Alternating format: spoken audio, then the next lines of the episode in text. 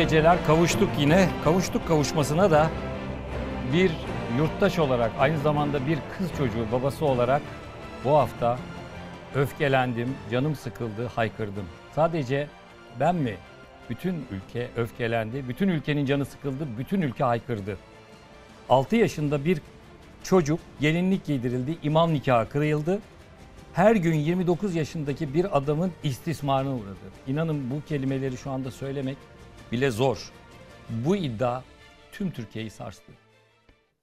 Varmadan sekizine her gün oldu gün zile Hem çocuk hem de kadın on ikisinde ana Bir gül gibi ol ben narin bir su gibi saydam ve sakin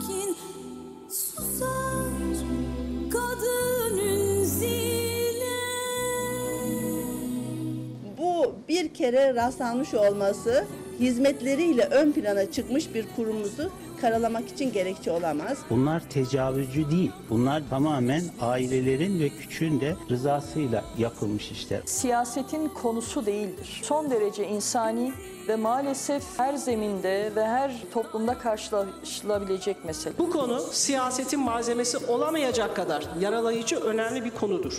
Öfkeliyiz. Bu korkunç olayın failleri hala dışarıdalar. Dünyayı yerinden oynatmak lazım. Bir tarikat liderinin 6 yaşında kızını utanarak söylüyorum gelin etmesi. Dayaktan ıslanalı hiçbir şey sormuyor Yağmuru kim döküyor Ünziyle kaç koyun ediyor Dayaktan ıslanalı hiçbir şey sormuyor Şeyhin kızının bile 6 yaşında evlendirildiği bir tarikatın içerisinde müritlerin çocuklarının neler yaşayabileceğini düşünmek bile istemediğimiz bir noktadayız. Yağmuru kim döküyor? Ünziyle kaç koyun ediyor. Dayaktan ıslanalı hiçbir şey sormuyor. Yağmuru kim döküyor? Ünziyle kaç koyun ediyor şey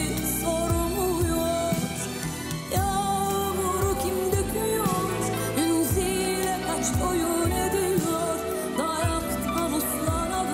hiçbir şey Bu kaçıncı ünzile? 29 yaşındaki tarikat üyesiyle imam nikahı kıyıldı. Bunları kızına yaptığı ileri sürülen isim İsmail Ağa cemaatinin Hiranur Vakfı'nın kurucusu Yusuf Ziya G. Küçük kız başına gelenleri büyüyünce anlıyor ve şikayetçi oluyor, deliller sunuluyor. Anlattıkları, ortaya koyulan fotoğraflar, ses kayıtları Türkiye'yi derinden sarstı.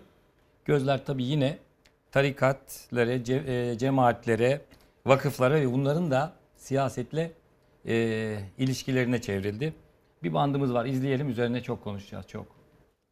Kadına şiddet, çocuk istismarı, çocuğa yönelik ihmal ve istismar vakaları siyasetin konusu değildir. Son derece insani ve maalesef her zeminde ve her toplumda karşılaşılabilecek meseleler. Sayın Cumhurbaşkanımızla görüştüm. Araştırma komisyonunu kurmaya karar verdik ve bütün siyasi partiler ortak olarak bunu kuracağız. Ensar Vakfı'nda 45 çocuğa istismar Türkiye gündeminde tıpkı Hiranur Vakfı gibi düşmüştü bomba gibi. O zaman Derya Yanık televizyon kanallarında Ensar Vakfı'nı savunuyordu. Ve bugün e, benzer bir vaka karşısında siyasetin konusu değil diyebiliyor. Sadece orası bir yurt olarak ya da sizin anladığınız manada işte öğrencilerin kaldığı, devam ettiği eğitim noktası olarak kullanılmıyor. Siz tarikatlara, cemaatlere milyonlarca lira destek verip arkasında durmuş bir iktidarsınız. Çocuk yaşta evlendirilerek istismar edilen çocukların faillerine af getirmek isteyen küçüğün rızası var diyen bir adalet bakanını kabinlerinizde bulunduran bir iktidarsınız. Bunlar tecavüzcü değil. Bunlar tamamen ailelerin ve küçüğün de rızasıyla yapılmış işler. İslami bir yönü var. Müslüman olarak bunun kabul edilmesi mümkün değil. Bu İslam'la bağdaşmaz. Ben onun için bu konunun istismara vesile edilmemesi sebebiyle gündemde tutulmamasını arzu ederim. Sizi göndereceğiz. Tarikatlar, cemaatler kapatılacak. Er ya da geç bu suçlarda kimin dahli varsa hesap verecek. Tarikatlar kapatılsın diyor. Nasıl kapatacaksınız? Tarikat diye bir dernek, bir vakıf yok ki. Tarikat dediğiniz tarik yol demek. İnanılır gibi değil. Bu trajediyi savunanlar, bu trajediyi, bu rezaleti savunan reziller konuştukça batıyorlar Nevşin. Şimdi işte, tabii tarikatlar kapatılamaz diyor Temel Karamoğlu olayı. Nasıl kapatacaksın? Kapatma kapatma meselesi de denetlenme meselesi. Burada bir denetleme şart. Şeyi takip ediyorum ilk haber çıktığından beri e, işte bir şimdi genç bir kadın olmuş ve anladığım kadarıyla yani Timur Soykan'la Murat Ağarel e, Evet. iddianame üzerine çalıştılar ve haberi Türkiye ile paylaştılar. Paylaştılar, iyi ki paylaştılar. Bu arkadaşlarımızın bu habercilik başarılarını tebrik ediyoruz. E, Timur da tabii takip ediyor. Gerçi kadınla görüşmek istemişler. Tabii koruma altında. Yani bir buçuk yıllık bir olay bu. Ve Aile Bakanlığı zaten kadını korumaya almış. Küçük bir ile yerleştirilmiş. E, Kendisi iyi derecede İngilizce biliyormuş ama tam okul okul okumamış. Tabii bir meslek edindirme kursuna yollamışlar. Zaten koruma altında. Şimdi bunu şeye not olarak düşmek lazım. E, Timur Soykan'ın Murat Arel'in bu iddianameyi didik didik etmesiyle ve Bir Gün Gazetesi'ne manşet yapmasıyla e, ortaya çıktı. Şeye bakıyorum hani özellikle bu çevrelerin ne yazdığına e, olay ortaya çıktığından beri. Çevrelerin İlk önce- gericilerin değil mi? Evet. E, hep ya çok garip. Hepsi de gerici de değil biliyor musunuz? Bazı da böyle şeyler var. Hayatlarını biliyorum ne bileyim gazeteci arkadaş mı diyeyim ya da daha gazeteci de değil de kanaat önderi mi diyeyim. Var ya yani kamuoyunun göz önünde tipler. Kimilerinde mesela kendi hayat tarzı falan hiç gerici falan değil ama ilginç yani bunu da sözcülüğüne Nevşin, savunan Kafa gerici olunca hayat tarzı bir şey fark etmiyor. Doğru haklısınız. Kafa geride yani. Haklısınız. Şimdi ilk önce şey dendi. Efendim burada suç şahsidir. Yani bunu bütün bir İsmail Ağa cemaatine e, yıkamazsınız. Zaten İsmail Ağa cemaati de bir açıklama yayınladı kendi sitesinde. Ya bu suç şahsidir. Bu kişinin, bu kızını evlendiren kişinin bizimle alakası yoktur diye. Hiranur Vakfı aynı şekilde. Hiranur e, Vakfı bir açıklama yayınladı. İşte bizimle bir alakası yok. İlk tepkiler böyle. Bu suç şahsidir dediler. Fakat sonra İşi döndürdüler. Yani bu söylemi döndürdüler. Suç şahsi demez gene şeyi söylemeye başlar. Aa yok kardeşim. Ateistler bize saldırıyor. Bunların e, hedefinde İslam var. Burada bunların derdi kız çocuğu falan değil. Bunlar İslam'a saldırıyor diye birdenbire bir taktik değiştirme, bir strateji değiştirme yaşandı gözümüzün önünde. Bu sefer e, şunu söylediler. Şimdi o kadar çok çarpıtıyorlar ki. Mesela bu Cübbeli Ahmet Hoca denilen şahıs hocalığı da nereden geliyorsa YouTube kanalı var mesela. Orada YouTube kanalında konuşuyor ve şey diyor. Efendim diyor. Zaten diyor bunu söyleyenler fasık. İşte Kur'an Kur'an'da e, bir ayete referans veriyor. Bunu söyleyenler fasık. Fasık olduğu için fasıkların iddiaları e, dinlenmezmiş, önemsizmiş. Kendi şer'i yorumu böyle. Fasık dediği de kendi açıklıyor. Şöymiş. Kamuoyunun gözü önünde işte mesela içki içen, kadın erkek karışık yaşayan insanlar fasıkmış. Ee, herhalde hepimiz fasık oluyoruz bu durumda. Fasık olduğumuz için biz bizim herhangi birisine yönelttiğimiz suçlamalar sayılmazmış. Bir bunu söylüyor. İki diyor ki zaten diyor dört şahit gerekir diyor. Bu tip şeylerde diyor bir hani böyle bir taciz suçlamasında dört şahit olması gerekir. Yoksa diyor bu suçlamalar geçersizdir. Dört şahit dediği dört erkek tabii. Ee, onların şer'i anlayışına göre kadınlar bizim şahitlik yarı Çiğdem Hanım biliyorsunuz tam da sayılmıyor. İkimiz bir araya gelsek bir şahitlik sayılıyor. Bunları söylüyor fasıklar ve diyor ki ya diyor bir okuyorum diyor e, Cumhuriyet Gazetesi yazmış, Sözcü Gazetesi yazmış. İddia bunlar diyor. Şimdi bunu tabii Cübbeli Ahmet söylüyor falan ama ya bunlar iddia. Bunlar öyle söylenti falan diye bir şey. Tam bir algı yapmayı kullanıyorlar ya tam bir algı yapma. Çünkü sanki böyle söylentiymiş. Gazetede böyle dedikodu yazılmış falan gibi. Hayır bu kabul edilmiş bir iddianame ve bu iddianamede söz konusu 6 yaşında evlendirildiği için şikayetçi olan kadının e, kocasını aldığı ses kayıtları var. Çünkü bu genç yaşında çocuk yaşında evlendirilen kadın radyoda denk geliyor dinlerken e, kendi yaşadıklarını bir radyo programında küçük yaşta evlendirildiğini, tacize uğradığını anlıyor. Daha sonra sosyal medya üzerinden bir avukata ulaşıyor ve avukat diyor ki yani kocandan ses kaydı al delil olarak kullanmak için. Kocasını konuşturuyor. Var bu ses kaydı iddianame de var kabul edilmiş. Yani savcılık iddianame yazıyor. iddianameye koymuş.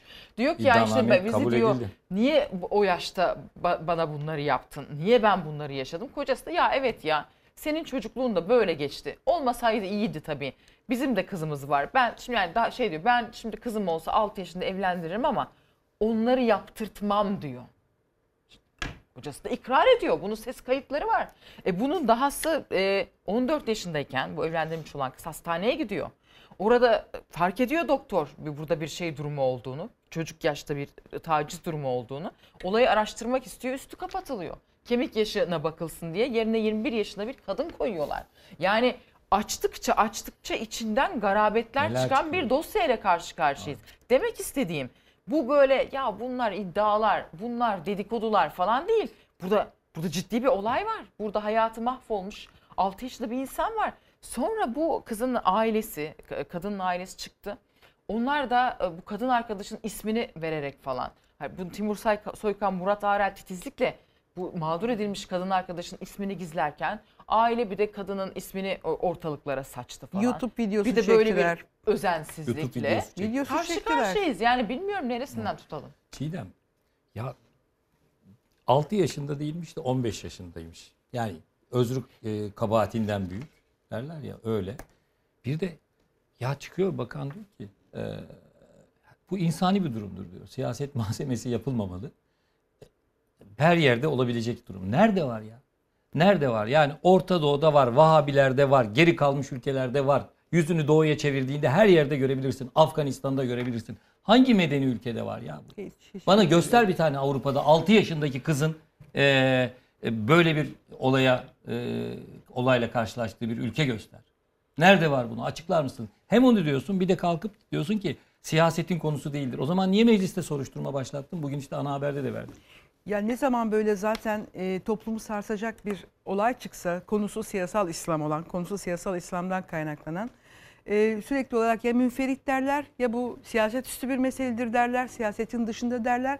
Ben tam tersini söyleyeyim, altını çizerek söyleyeyim. Siyasete bunun kadar göbeğinden bağlı olan e, bir konu azdır. Yani e, bu çocukların küçük yaşta is- istismar edilmesine zemin hazırlayan bu yapılar, bu yapılanmalar e, ne yazık ki denetimleri bence çok mümkün değil. Yani tarikatlar kapatılsın filan deniyor. Tarikatlar kapalı yapılar zaten. Yani e, denetlenmeleri çok kolay değil.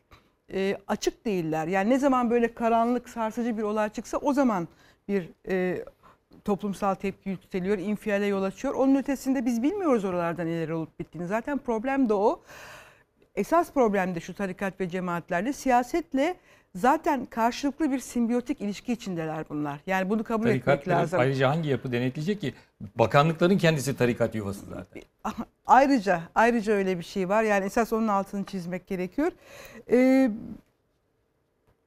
bir karşılıklı olarak bence birbirlerinden faydaları var. Tarikat cemaatlerle siyaset kurumunun. Ee, bu bürokratik kadrolaşma olabilir. Bu çok önemli bir şey. Ticaret olabilir karşılıklı. Ee, tedarik zincirleri olabilir. Örnek veriyorum. Yani belki sayısal olarak e, nicelikleri çok fazla değil. E, ülkenin nüfusuyla, seçmen sayısıyla kıyaslandığında sayısal olarak belki çok yüksek bir e, oranda değiller. Ama e, bir etki ve nüfuz alanlarını siyaset kurumunun onlara bu zemini açması sayesinde kazanıyorlar. Ee, ve o nedenle bu kadar pervasızlaşabiliyorlar. Pervasızlaşma derken Nevşin az önce söylediğim yok bunlar iddia, iftira. Sürekli bir iftira şeyi üzerinden gidiyorlar.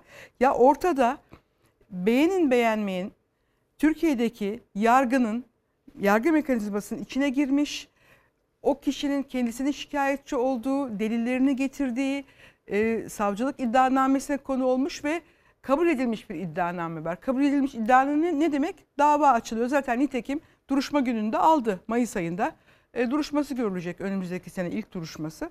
Ve hapis cezası isteniyor e, o kişi hakkında. Dolayısıyla burada bir yani ne bir iftira var, e, çok da başarılı bir gazetecilik var. Timur Soykan'ın adını tekrar analım burada. Analım. Arkadaşımızın, Evet. meslektaşımızın. Ve e, dün sosyal medyada da hedef gösterildi. E, çok ağır bir şekilde tutuklansın, yargılansın gibi. Biz de arkadaşımızın yanındayız, meslektaşımızın. Onu da buradan söylemiş olalım. Evet enteresan. Faili tutuklamıyorlar, gazeteciyi tutuklamasını istiyorlar. Tam tam bu ülkenin şu anki gerçeği. Murat Ve bir son olarak bir şey Tabii. daha ilave edebilir miyim? Kusura bakmayın. Yani e, Tabii, o- tabii, onu Ceylan. onu onu ilave etmem gerekiyor. Yani belki birazdan bu konuya geleceğiz. Daha doğrusu gelmemiz de gerekiyor zaten. Gündem maddelerimizde de var. Başörtüsüyle ilgili anayasa değişikliği.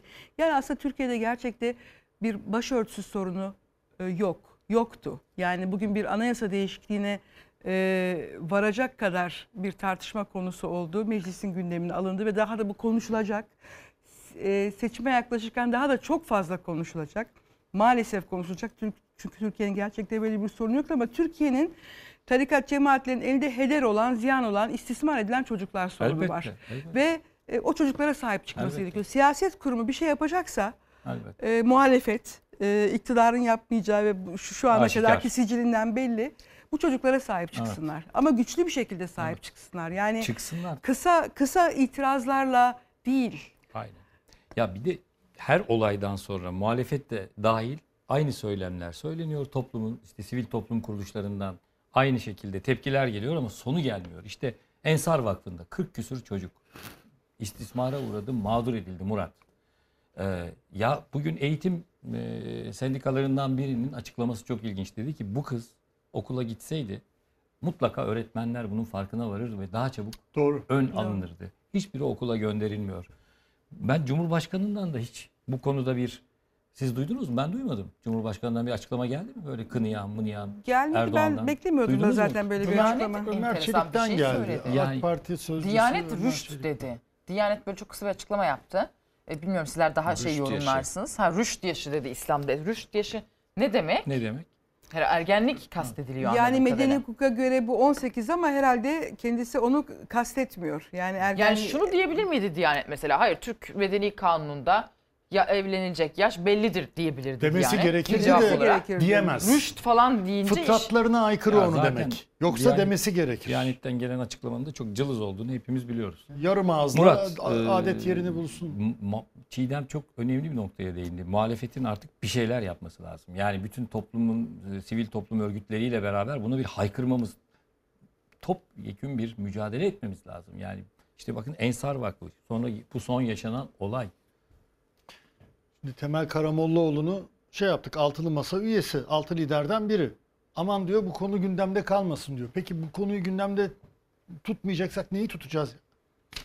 Derya Yanık Bakan diyor ki siyasetin konusu değil. Siyasetin konusu bu değilse ne? Bu değilse ne ya? Şimdi ayrıca hani tarikatlar kapatılamazmış çünkü şey tarikatlar tarikat diye bir şey tabii ideolojik bir varlık yani.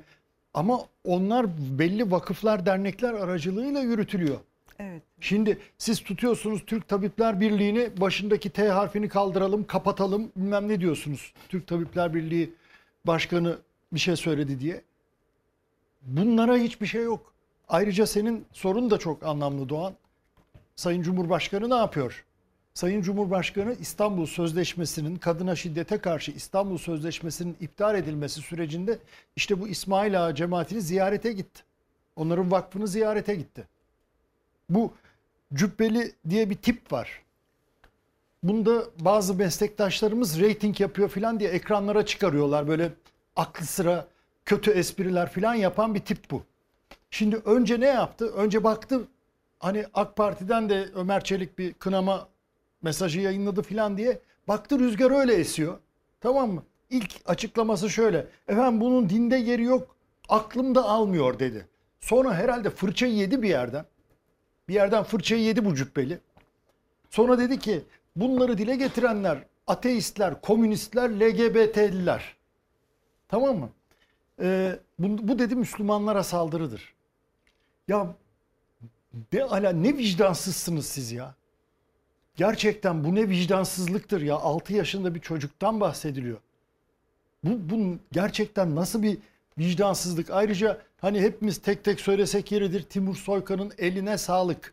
Timur Soykan bir gün muhabiri e, tutuklansın diye şey yapıyorlar. Bu gerçekleri ortaya çıkardığı için eline sağlık. Timur Soykan'ın da Öyle. yanındayız. Yani Aynen öyle. onda e, Ve kim bilir, yani. kim bilir Murat daha başka neler var. Yani bu sadece bu kızın cesur bir şekilde e, hamle yapmasıyla ortaya çıkan ve gazeteci arkadaşlarımızın çabasıyla ortaya çıkan bir şey. Daha kaç halka var böyle? Buzdağının Kaç- görünen buzdağının yüzü. görünen Şimdi yüzü. buradaki enteresan şey bir de yani inanılmaz bir e, yüzsüzlükle hani zeytinyağı gibi su üzerine çıkmak diye bir şey vardır. buradan bile bu alçaklıktan bile kendilerine mağduriyet üretmek cüretini gösteriyorlar. Ya, hani ve konuştukça batıyorlar. Sayılı konuştukça batıyorlar tabii. Daha da batsınlar. Ee, sen diyorsun ki hani az az azgın azınlık diye bir laf vardır yani. Azgın azınlık. Bunlar azgın azınlıktır. Evet. Ve son derece korkaktırlar. Bunlar ancak birlikte durduğu, durdukları sürece böyle hani senin benim gibi tek başına konuşmayı bilmezler. Ancak birlikte bir sürü olarak davrandıklarında güçlerinin yettiğini, seslerinin çıktığını zannederler. Yani Öyle. biri, birisinin de bir dur demesi lazım Sis- bunlara sis- dur diyoruz sis- yani. Sistemi ele geçirmişler. İnsanlar da bunları çoğunluk sanıyorlar. Aslında sistemi ele geçiren Azgın azınlık. azınlık ya. Evet. Deniz şimdi şu ben şu samimiyetsizliğe de karşıyım. Bir gazeteci olarak, bir yurttaş olarak, bir baba olarak adına ne dersen de. Az önce Murat dedi ki Cumhurbaşkanı da dedi o tarikatı ziyaret eden insanlardan biriydi. Ya ben gazeteci olarak şuna şahidim. İktidarı, muhalefeti oy devşirmek için bu tarikatlara asla tepki göstermiyorlar. Ziyaret ediyorlar, gidiyorlar işte karşı %50'den de oy alalım. Ee, karşı %50'den oya ihtiyacımız var. Başka türlü iktidara gelmeyiz deyip her şeylerini siyasete endekslemiş, oya endekslemiş insanlar bunu yaptıkça bu olaylarla karşılaşıyoruz. Yani buna bir son verilmesi gerekmiyor mu? Yani muhalefetin artık kardeşim bunu seçim şeyinden çıkarması, oy devşirmesinden çıkarması gerekmiyor mu? Bu tarikatlara niye prim veriyorlar? Yani be- benim kanaatim şu, e, devletler devlet e, tarikatları kontrol etmesi gerekirken tarikatlar devleti kontrol etmeye başlamış. Bütün mesele buradan kaynaklanıyor. Yani bugün Cumhurbaşkanı'nın sessizliği de bundandır. Evet, tarikat mensubu insanların sayısı Türkiye'nin nüfusunun yani yüzde beşi kadardır mesela. Yani yüzde 95'e yüzde beş olmalarına rağmen yüzde 95'in şeyini nasıl etkiliyorlar? İşte e, özellikle siyasal İslamcılar bu tür yapıların özgül ağırlığının yüksek olduğuna, etki alanlarının geniş olduğuna inandıkları için oraya biat ederler. Benim gördüğüm kadarıyla Türkiye'yi yönetenler de bu yapılara biat etmiş vaziyetteler. Yani daha önce de biliyorsunuz işte Cem, e, FETÖ meselesinde de yani Sayın Cumhurbaşkanı demişti ki aynı menzile iki farklı yoldan giden şeylerdik dedi. Yani bu, Kıblemiz bir dedi. bu böyle bir şey var. Şimdi buralardan da ders çıkarılmıyor. Ya gidin bazı bakanlıklarda bazı cemaatler, bazı tarikatlar hala çok güçlüler. Bir, bir, bir atama yaptığınızda bir yerlerden tavassut alıyorsunuz. Ay bu da söyleniyor, konuşuluyor. Bu da Tabii, çok tabii. ilginç değil mi? Yani Tabii. normal bir şeymiş Normal gibi bir şeymiş Ankara'da. gibi anlatılıyor. Öyle, öyle. Yani gidin ba- bazı bir de vakıflar vesaire üzerinden şey yapılıyor. Şu onu söylüyorum yani Ya denetlenecek Ankara'da yer var mesela- çok açık yani. Doğru. Çok Ee, açık denetlenecek nerenin denetlenmesi Mesela gerekiyor. Ankara'da işte örneğin Semerkant Vakfı. Bakıyorsunuz işte Batı kentte doktorlar ör- örgütlenmiş. Maltepe'de bilmem kimler örgütlenmiş. Yani her semtte bir meslek grubunun şeyi var. Toplanıyorlar. İşte şey ne diyorlar ona? Ee, zikir yapıyorlar. İşte sohbet ortamları vesaire falan. Ya ben şahsi olarak bunların hani hiçbirine karışmak niyetinde değilim. Yani canları ne istiyorsa gitsinler yapsınlar. Ama birlikte yaşadığımız alanı bu tür şeylerle kirletmeye başladıkları anda buna söyleyecek bir çift lafımız doğuyor. Evet. Siz bu yaşam biçiminizi bu topluma bir rol modeli olarak pazarlama hakkına sahip değilsiniz. Yaptığınız şey suçtur, yaptığınız şey vahşettir, trajedidir. Bunu kalkıp da işte ya genellemeyin vesaire falan gibi şeylerle örtbas edemezsiniz. Kimse genellemiyor. Kimse bu kadar insanı zan altında bırakmıyor. Ama ortada bir Suçlu kimse suçunun Ha, cezasını çeksin. Ortada bir sistem sorunu var. Bakın iki yıl önce açılmış bu dava. İki yıldır yaprak kıpırdamıyor. Ve şimdi duruşma işte Timur haber yapmasaydı bunu Öyle. böyle devam edecekti. Adamlar tutuksuz yargılanıyorlar. Duruşma tarihi 7 ay sonraya verilmiş. Ya Allah aşkına ya. Ya birisi gidiyor tweet atıyor. Yarım saat sonra polis tepelerinde bini, ne biniyor 10 saat sonra da çıkarılıp adliyede tutuklanıyorlar. Cumhurbaşkanını eleştirenin başına bu geliyor yani. Gülşen, sanatçı İşte Gülşen, Gülşen sadece bir örnek.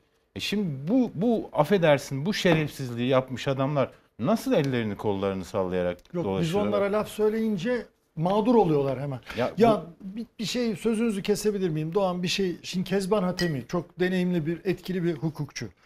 Ee, izliyor programımızı.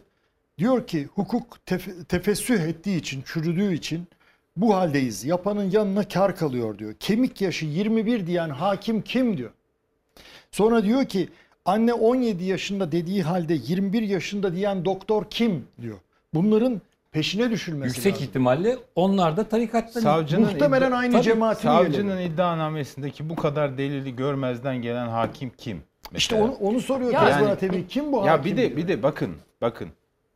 Diyanet İşleri Başkanlığı açıklama yapıyor. Rüşt yaşı ifa- 18 demiyor, 17 demiyor. Medeni Hayır, kanunda hani rüşt- 17'de evlenebilir, ailenin işte şeyi alınır vesaire falan gibi. Ha- Hadi onu düşünerek 17 diyelim. 17 demiyor, 18 demiyor, rüşt yaşı diyor. Açın İslam ansiklopedisinde rüşt yaşı nedir diye bakın. Buluğ çağıdır diyor. İşte ve çok enteresandır buradaki tarif. Ya evlendirilmek söz konusu olduğunda rüşt yaşı düşük kız çocuklarında miras bırakılması gerektiğinde rüşt yaşı yüksek. Yani bö- bö- böyle bir şey de var yani. Şimdi niye böyle diyorsun? Niye açık tavır almıyorsun? Niye topu Ya çeviriyorsun? niye ülkenin cumhurbaşkanı çıkıp kardeşim bu ülkede kanun Ah. vardır, kural vardır. Şu yaştan önce hiç kimse evlenemez. Evlenmeye kalkarsa suç, suç işler diyemiyor. Tam tersine işte e, Adalet Bakanı'nın işte geçmişten kalan o videosu dönüyor birkaç gündür. Oradaki şey biliyorsunuz bir yasa yasal düzenleme yapıldı. Cezaevinde küçük yaşta kız çocuklarıyla evlendikleri için cezaevinde bulunanları serbest bırakmak için bir yasal düzenleme yapılmıştı. Adalet Bakanı orada onları kastediyor. Yani o o düzenlemeyi yaparken yaptığı bir açıklama. Ama bir de küçüğün rızası ne demek Allah aşkına ya? Ya Adalet Bu ne vahşettir ya? Küçüğün rızası diye bir şey var ya. Ya şimdi bir bakın, kavramları var ya bunların Murat yani. bunu söyleyen Adalet Bakanı kalkıp da bu davayı erken aldırtır mı? Tabii ki bunu 7 ay sonra Ya- atan hakime bir şey demez. Ya Senin bu- söylediğin bir şey, şuna bir şey eklemek istiyorum. Dedin yani siyaset tarikatlara teslim olmuş diye. Arkadaşlar öyle de bir korku iklimi yaratmış ki bu tarikatlar. Yani insanlar korkuyor. Bugün gazeteci arkadaşlar aramızda konuşuyorduk. Ya inşallah Timur'un başına bir şey gelmez. Bu adamlar tekinsiz adamlar. Çünkü kampanyalar başlattılar. Timur Soykan tutuklansın diye hedef gösteriyorlar. Ha bir de Yüzsüzlüğe bak şeyi ya. yok yani, Yani ne bir yapacaklarını etmek kestiremiyorsun. Bir kudret sahibi bunlar sistem içerisinde olmuşlar falan. Bakan- ya insanlar korkuyor. Çünkü ya. kayırıyorlar ya. devleti paylaş, ya. devleti Evet. paylaşmışlar. Bakanlıkları paylaşmışlar. Sisteme girmişler ne bir şey. Güçlerini oradan alıyorlar. Tabii, tabii. Yargıya girmişler. Kim o doktor? Kim o hakim? Tarikatın Tabii, üyesi. tabii. Ya Twitter mahkemeleri kuruyorlar. Şu tutuklansın, şu gözaltına alınsın diye e, başlık açıyorlar.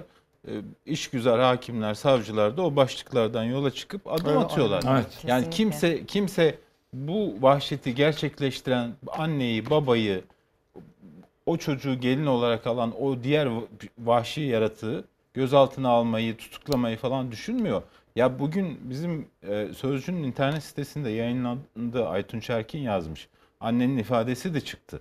Anne açık açık diyor ki bu fotoğraftaki çocuk benim çocuğumdur diyor ve 7-8 yaşlarındayken çekilmiş. Evet. Yani o bir tane böyle yüzü kapalı ama sarılarak oturduğu, elini tuttuğu bir fotoğraf var. O fotoğrafı annesi diyor ki bu benim çocuğumdur diyor. Ve diyor peki evlenmediyse niye bu fotoğraf çekildi? Bu, bu öğreniyoruz ki yine kadının ifadesinden adam onların evinden çıkmıyor. Evet. Yedi, bak biraz önce söylediğin şey çok önemli. Okul okulaşma meselesi. Ee, annenin ifadesinden aktarıyorum. 7-8 yaşına kadar bu işte fail çocuğa ders vermiş.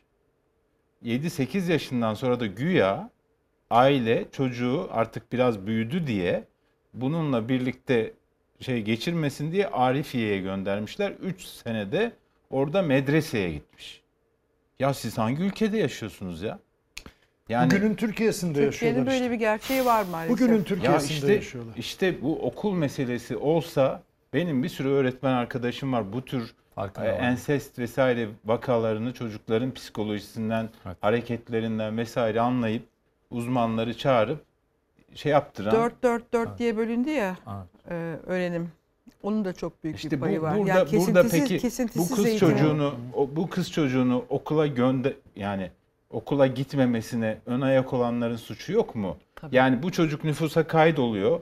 Normalde 6 yaşına geldiğinde sistemin alert yani uyarı vermesi lazım. Şurada bir kız çocuğu var bu okul, okula kayıt olmadı diye uyarması lazım. Ve devletin o kız çocuğunu okula kavuşturmak için harekete geçmesi lazım. Ya burada çocuk 7-8 yaşında medreseye gönderiliyor Arifiye'de 3 sene orada kalıyor. Ya bunu bu açıklıkta söylemediler ama o 4 4 4 4 sistemi getirilirken e, neydi biz 5. sınıftan sonra ortaokula başladık değil mi? İlkokul 5 seneydi. 5'ten sonra yani ortaokul dediğin şey bizde orta 1 orta 2'ydi de sonra 6. sınıf diye devam etti.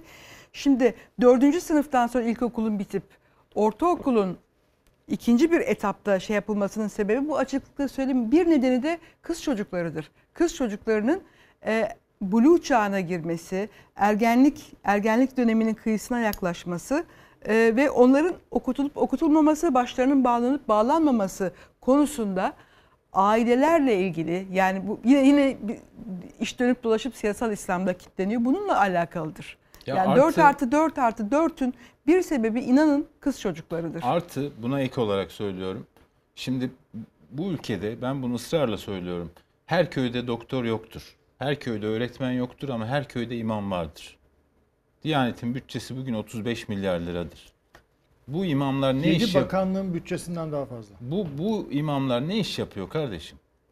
Bunların görevi içinde Kur'an kursu vesaire yok mu? Köy okullarını kapattılar ya. Hayır hayır. Yani, Hayır, yani Kur'an Kur'an öğrenmek istiyorsan. Diyanet'in atadığı imam oradadır, cami oradadır. Caminin yerleşkesindeki kurs şeyleri oradadır. Niye oraya teşvik etmiyorsun da bu çocukları bu tarikatların insafına Kucağına bırakıyorsun? veriyorsun. Evet. Niye? Burada Diyanet niye bu konuda harekete geçmiyor? ya Diyanet'in işte açıklamasından Diyanet belli. harekete geçiyor bence. Diyanet bunları teşvik Çünkü ediyor. Diyanet de tarikatlerin elinde. Elbette. Diyanet bunu teşvik Yani ediyor ya. İşte e, cılız bir açıklama yapıyor. Bu cılız açıklamayı yapan Diyanet bu konuda mı harekete geçecek? Şimdi bir başka konu daha var. Benim dikkatimi çekti. Bunu bu son cümleyi de böyle bir bitirip e, diğer konuya geçelim. Gerçi diğer konu da yine tarikat siyaset ilişkisiyle ilgili. E, mahkemenin tarihi de çok enteresan. Tam böyle seçime seçim şeyini atalım. Ondan sonra bakarız tarihi gibi geldi bana. Mayıs ayı. Yani Mayıs 2, 22 ya buradan Mayıs'tı buradan galiba. seçime de kendilerine şey çıkarıyorlar. Hadi. Görmediniz mi 28 Şubat benzetmeleri? Ya- Yazıklar Evet. olsun size ya. Ne 28 Şubat ya? Evet. 6 yaşındaki bir kız çocuğuna kıyılmış. Hayır, Vahşice bu bir şey yapılmış. değil. Benim tecavüzcüme laf etme, benim hırsızıma laf etme, benim Evet. katilime laf etme. Onlar bir temiz. de- bir de en Çünkü çok neye mağdur bunlar. ben? Hep mağdur abi. Murat bunlar Bey, hep mağdur. Ben abi. bir de şuna kızıyorum. Ya böyle pis bir olay ortaya çıkıyor. Buna iki çift laf ediyorsun. O başka bir yerin bir başka pis olayını çıkarıyor. Buna da laf etsene. E ederim kardeşim. O da Tabii. pisse ona da laf ederim. Evet. Ama sen önce bunu bir Sen önce orayı bir temizle. Bence bunlar ellerini vermiş, kollarını kaptırmışlar. Bak Evet. bence bu iş İstanbul Sözleşmesi'nden bu grupların baskısıyla çıkıldığı gün aslında ne olduğu belli. Yani bu gruplara bir, bir azınlığın baskısıyla. Efendim ne cinsel yönelim diyormuş da ee bütün ülke gay olacakmış falan bir abuk sabuk bir ça- şeyle. Ya çok çok doğru bir şey diyorsun. Bunlardan bir grup bu e, fundamentalistin talebiyle koca ülke İstanbul Sözleşmesi'nden çıktı ya. Bir İşin, imzayla. işin dönüm noktası neresi biliyor musunuz? 2019 İstanbul seçimleri. 2019 İstanbul seçimlerinde Ankara'da öyle ama esas bunların şeyleri Evet. en örgütlü oldukları yerler İstanbul. Evet. Tamam mı? Evet. İstanbul Sözleşmesi şey İstanbul Büyükşehir Belediyesi Cumhuriyet Halk Partisi'nin Ekrem İmamoğlu'na geçti. Bütün bunların mama kaynakları, beslenme kaynakları kesildi. Vanaları kapandı. Ve onlar da başladılar Adalet Kalkınma Partisi'ne e, oy baskısı, oy şantajı yapmaya. Evet. Mesele bu. Katılıyorum Şimdi sana. tarikat siyaset ilişkisi aslında geçen hafta bir başka başlık altında da tartışma konusuydu. Üç harfliler konuştuk burada. İşte Nevşin de bu üç harflerde tar- tarikat boyut, e, şeyine girdi, boyutuna girdi. Marketlerin, süpermarketlerin. E, BİM'in CEO'su Galip Aykaç, e, Gıda Pera, Pera- e, Perakendecileri Derneği Başkanlığından istifasıyla noktalandı bu tartışma. E, peki gerçekten bu tartışma bitti mi? E, bu Erenköy tarikatı ile iktidar arasında hani konuştuğumuz geçen hafta çekişme miydi yoksa zamlar için suçlu arayışı mıydı? E, şimdi o marketlerde fiyatlar daha mı düştü? Tartışmayı bir hatırlayalım. Üstüne bunu da konuşacağız. sürekli zam yapan zincir marketlerin FETÖ'yle irtibat ilişkisinin titizlikle araştırılması gerektiğine de inanıyoruz. FETÖ terör örgütüyle bizi tehdit eden parti liderlerine söyleyeceklerimiz var. Bir ahlaksızlar, bir edensizler. Sizlere bundan sonra sizin tonunuzda cevap vereceğim bunu bilesiniz. Gündeme getirilen spekülasyonlar sonrası Sayın Devlet Bahçeli'nin hassasiyet gösterdiğini de üzülerek izledim. Maksadım asla kendisini kırmak değildi. Kusura bakmasınlar lütfen. Ulu orta herkese çemkirirken bundan sonra biraz daha dikkatli olur artık. Bu hadsizi Tarım Bakanı olarak önerenler de utanır umarım. Şimdi Galip Aykaç'ın e, bu sert çıkışının ardından gece yarısı bazı bin mağazaları basıldı, hedef alındı. Mağazaların önünde Bahçeli posterleri asıldı. E, Galip Aykaç ödül, ölüm tehditleri aldı. E, ve sonunda Gıda Pe- Perakendicileri Derneği Başkanı'ndan istifa etti. Üç harfler denilen zincirler bu iktidar zamanında zaten büyüdü, etti. Şimdi bir de aynı Galip Aykaç'ın e, 2018 yılında Tarım Bakanı yapılmak istediği de ortaya çıktı. Şimdi bütün bunlar ne oluyor? Ne anlama geliyor? Bir E, geçen Galip hafta Aykaç olmadı. Şey oldu. Pakdemirli oldu. O, O da, da bu ba- gruba yakın. o da başka O da bu bir marketin Bu gruba evet, yakın. şeyiydi. Bir Evet. de bu Erenköy cemaatine Evet. yakın. Ya işin enteresan tarafı ben de anlamaya çalışıyorum işte Erenköy cemaati falan diye konuştuk. Tamam herkes biliyor işte top başladı başında oldu. Ee, hani şimdi tarikat bağlantısına işin içinde iş var. Aslında işte tarikat para siyaset bağlantısına geliyor her şey. Yine bir önceki olayda konuşmuş olduğumuz. Ya şimdi bu baktığın zaman bu Erenköy cemaati BİM dediğin zaman AK Parti'nin ilk yıllarına itibaren bu sistemi yani siyasal İslam düşüncesi mi dersin artık ne dersen onu finanse eden ana gruplardan bir tanesi. Hayırdır yani ne oluyor? Çok ilginç şimdi bu grubun üzerine gidiliyor ya. İki şeye baktım. Özel bir tabii işte saldırılması bazı BİM şubelerine özellikle Bahçeli'nin açıklamasından sonra. Kırıkkale'de e, bu şeyin böyle yerel bir grup diyeyim. Oranın yerel bir zincir mağazasının sahibinin oğlu çıktı böyle. Kimmiş bu cincoz alırız paçasını falan gibi garip bir açıklama yaptı. Görmüşsünüzdür şeyde. E, ismini vermeyeyim. E, şimdi bu grubun aynı zamanda böyle bir kır bahçesi var. Kırıkkale'nin en büyük semtlerinden bir tanesinde. Ya bütün bu açıklamaları yapmadan önce o tehdit açıklamalarını Alaaddin Çakıcı orada bir hafta öncesinde. Orada ağırlıyorlar, yiyorlar, içiyorlar falan. Çok ilginç. Sonra yine bu işte BİM zincir markete ilişkin o sosyal medyaya çok düştü. Türkiye kamuoyunun da yakından tanıdığı bir isim Mahmut Alan. Eski Büyük Birlik Partisi Bolu İl Başkanı. Sonra e, işte şimdi MHP ile dirsek temasında, AK Parti ile dirsek temasında. Geçen AK Parti İl Başkanlığı'na gitmiş, Bolu'da çay içmiş. Var hepsi internette ya bunlar şey değil, gizli bilgi değil. Çok ilginç bir isim. Bu Mahmut Alan da hatırlar mısınız Alaaddin Çakıcı içerideyken bir ara Erdoğan'a falan tehdit mektupları yazıyordu. O yüzden ceza aldı ama Bahçeli affetti. falan. Şimdi o mektubu kendi internet sitesinde yayınlayan isim. Alaaddin Çakıcı ile yakın olan bir isim. Bu isim gidiyor bir işte bir mağazasına oğluyla çocuklarıyla orada tehdit ediyor işte çocuklara bozkurt işareti yaptırıyor siz vatan hainisiniz dedirtiyor falan. Yani tamam işin bir tarafında tarikat var anlaşılan ayrışan menfaatler var falan.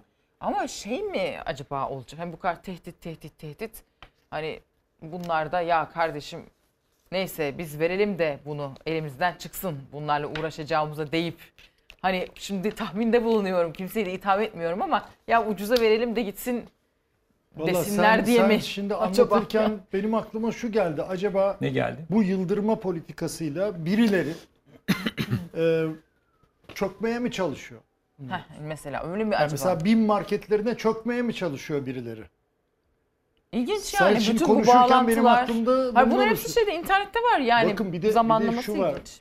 Kusura bakma hemen bitireceğim daha. İçişleri Yo, yo. Bakanı da bir köfteciye Sedat Peker'in çökmeye çalıştığını iddia etmişti ya. Evet evet. Evet. Böyle çökmecilik diye bir şey var burada, e, şu yapılanın yani e, serbest piyasa ekonomisini çok beğeniyorlar ya biz bundanız alakası yoktur. Tıpkı bankalara uygulanan baskı gibi. Hiçbir şekilde e, yani bu bir ekonomik terör terör hadisesidir aynı zamanda. Ama şimdi Nevşin bu örnekleri verdikçe ben o detayları bilmiyordum doğrusu. Benim aklıma birilerinin bu yolla oraya çökmek istedikleri Zaten geldi. çökme lafı da bizim Mafya literatürümüze yeni şey görece yeni girdi. Yani biz AKP iktidarı öncesinde bu lafı bilir miydik bu kelimeyi? Çökme diye Tabii bir tabii, kelime tabii. kullanılır Evet mıydı bu kadar Evet, yaygın evet. olarak? Çok Bu önemli, normal bu tabii dönemde. tabii yani, Yani mafya jargonunda vardı da mafya jargonu ülkenin jargonu olmamıştı da. belki Evet. de öyle evet. Yani e, bu aslında bütün bu konuştuğumuz konu özellikle Nevşin senin anlattığın son hadise Türkiye'deki kurumların işlerini nasıl yapamadığını, içlerinin Evet. nasıl boşaldığını yani düzenleyici, denetleyici kurumlar, yargı kurumları. Geçen hafta ben hep o- o- onu gösteriyor yani aslına bakarsan. Çok tuhaf değil mi bunları bizim konuşuyor olmamız? Yani Şey normal bir şeymiş iktidar gibi. içerisinde Yasa değişen- dışı yapılanmaların ilişkiler, değişen Evet. finans ilişkileri, değişen finans kaynakları Çiğdem Hanım aslında. Öyle. Burada öyle de bir şey var. Öyle. Yani bu işin içinde de iş var. Kaldırdıkça bir şey çıkıyor altından. Geçen hafta tabii yöntem de var yani. Geçen hafta e, beyefendinin konuşmasını verdikten sonra ben burada ne demiştim? Dayak yiyebilir, tehdit edilebilir. e, Demiştin. Değil mi? Açıklamasından neyi anlıyorsunuz? Özüründen. E, e, geri adım atıyor. Geri adım- Yani korkuyor. ama ne, korkuyor değil mi? Yani Can korkuyor. güvenliği E, endişesi tabii, var yani. Aynen. Tabii ki. Yani- Şimdi tabii Galip Aykaç istifa etti ama gıda fiyatlarında bir düşüş yok. İşte e, artmaya da devam ediyor. Kas, Kasım ayı enflasyonu açıklandı. İşçinin, memurun, emeklinin gözü kulağı rakamlarda. E, zam oranları açıklanan bu rakamlara göre belirlenecek. Yani enflasyon rakamları zam oranlarında işçiye verilecek, memura verilecek, asgari ücretliye verilecek, emekliye verilecek zam oranlarında belirleyecek. İktidarın gözü kulağı ise Birleşik Arap Emirlikleri ve e, Suudi Arabistan'da. Zira e, swap anlaşmaları tamam. Paralar bekleniyor ki hani ekonomiyi döndürelim. Hani veren elden alan el gibi bir duruma düştük. E, uzun bir reklamsız gideceğiz reklamlardan sonra. Şimdi bir reklama gideceğiz. Ne konuşacağız? Biraz önce de söylediğim gibi parayı konuşacağız. Para, para, para. Türkiye. Bırakınız diz çökmeyi, tam tersine yeni bir şahlanış işine girmiştir ve bu şahlanışımız devam edecektir.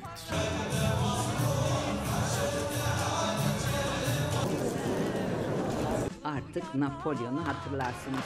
Para, para, para. Para para para para para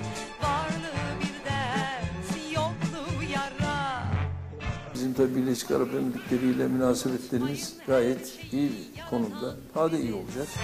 Matbaada parayı basan ellerimiz. Sanmayın onun hükmü değişmez yasa. Para neye yarardı?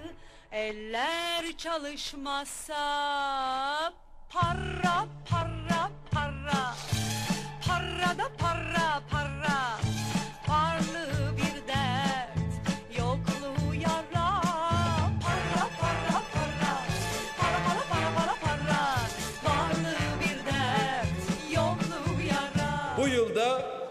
aldığımız kararla poşet fiyatını 25 kuruş olarak belirliyor ve herhangi bir artışa gitmiyoruz. Bu poşette gösterdiğimiz başarıyı Seni bir gün mezara 100 bin, 500 milyon, 10 milyon, 30 milyon. 100 milyon veriyorum. Fakirleşme yok, zenginleşme var. Rakamlar bunu gösteriyor. Gelir artıyor, üretim artıyor, istihdam artıyor, tüketim artıyor. Daha ne olsun? Geliyor. Konular ne oldu? Eyvah enflasyon.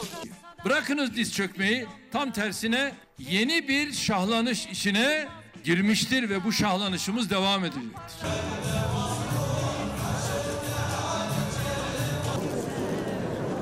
Artık Napolyon'u hatırlarsınız. Para, para. Para para para para para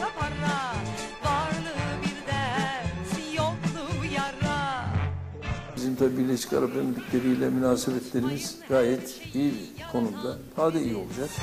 Matbaada parayı basan ellerimiz. Sanmayın onun hükmü değişmez yasa. Para neye yarardı? Eller çalışmazsa Para para para. Para da para para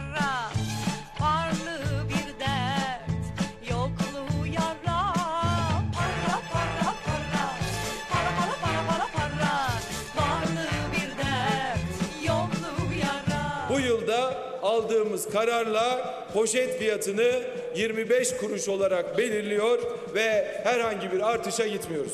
Bu poşette gösterdiğimiz başarıyı Seni bir gün mezara 100 bin, 500 milyon, 10 milyon, 30 milyon. 100 milyon veriyorum. Fakirleşme yok, zenginleşme var. Rakamlar bunu gösteriyor. Gelir artıyor, üretim artıyor, istihdam artıyor, tüketim artıyor. Daha ne olsun? Konular ne oldu? Eyvah enflasyon. Oh enflasyon. Rüçhan Çamay'ı da analım. Rüçhan Çamay bir devre damga vuran şarkısında insanoğlu kendi yarattığı putun kölesi olmuş diyor para için. Ee, tabii Türkiye'nin dış politikasını da yönlendirmeye başladı bu para. Ee, Körfez ülkeleriyle küskünlükler rafa kalktı. Darbeci sisiyle el sıkışıldı. İktidar sonuçlar almaya da başladı. Suudi Arabistan'dan birkaç gün içerisinde Türkiye Merkez Bankası'na 5 milyar dolarlık hesap açılacak. Suudi Arabistan hesap açıyor. Birleşik Arap Emirlikleri ve Katar'la da swap anlaşmaları imzalandı. Bir izleyelim, konuşalım. Siyasette küslük olmaz. Kaşıkçı cinayetinin failiyle barışmak 5 milyar dolar swap.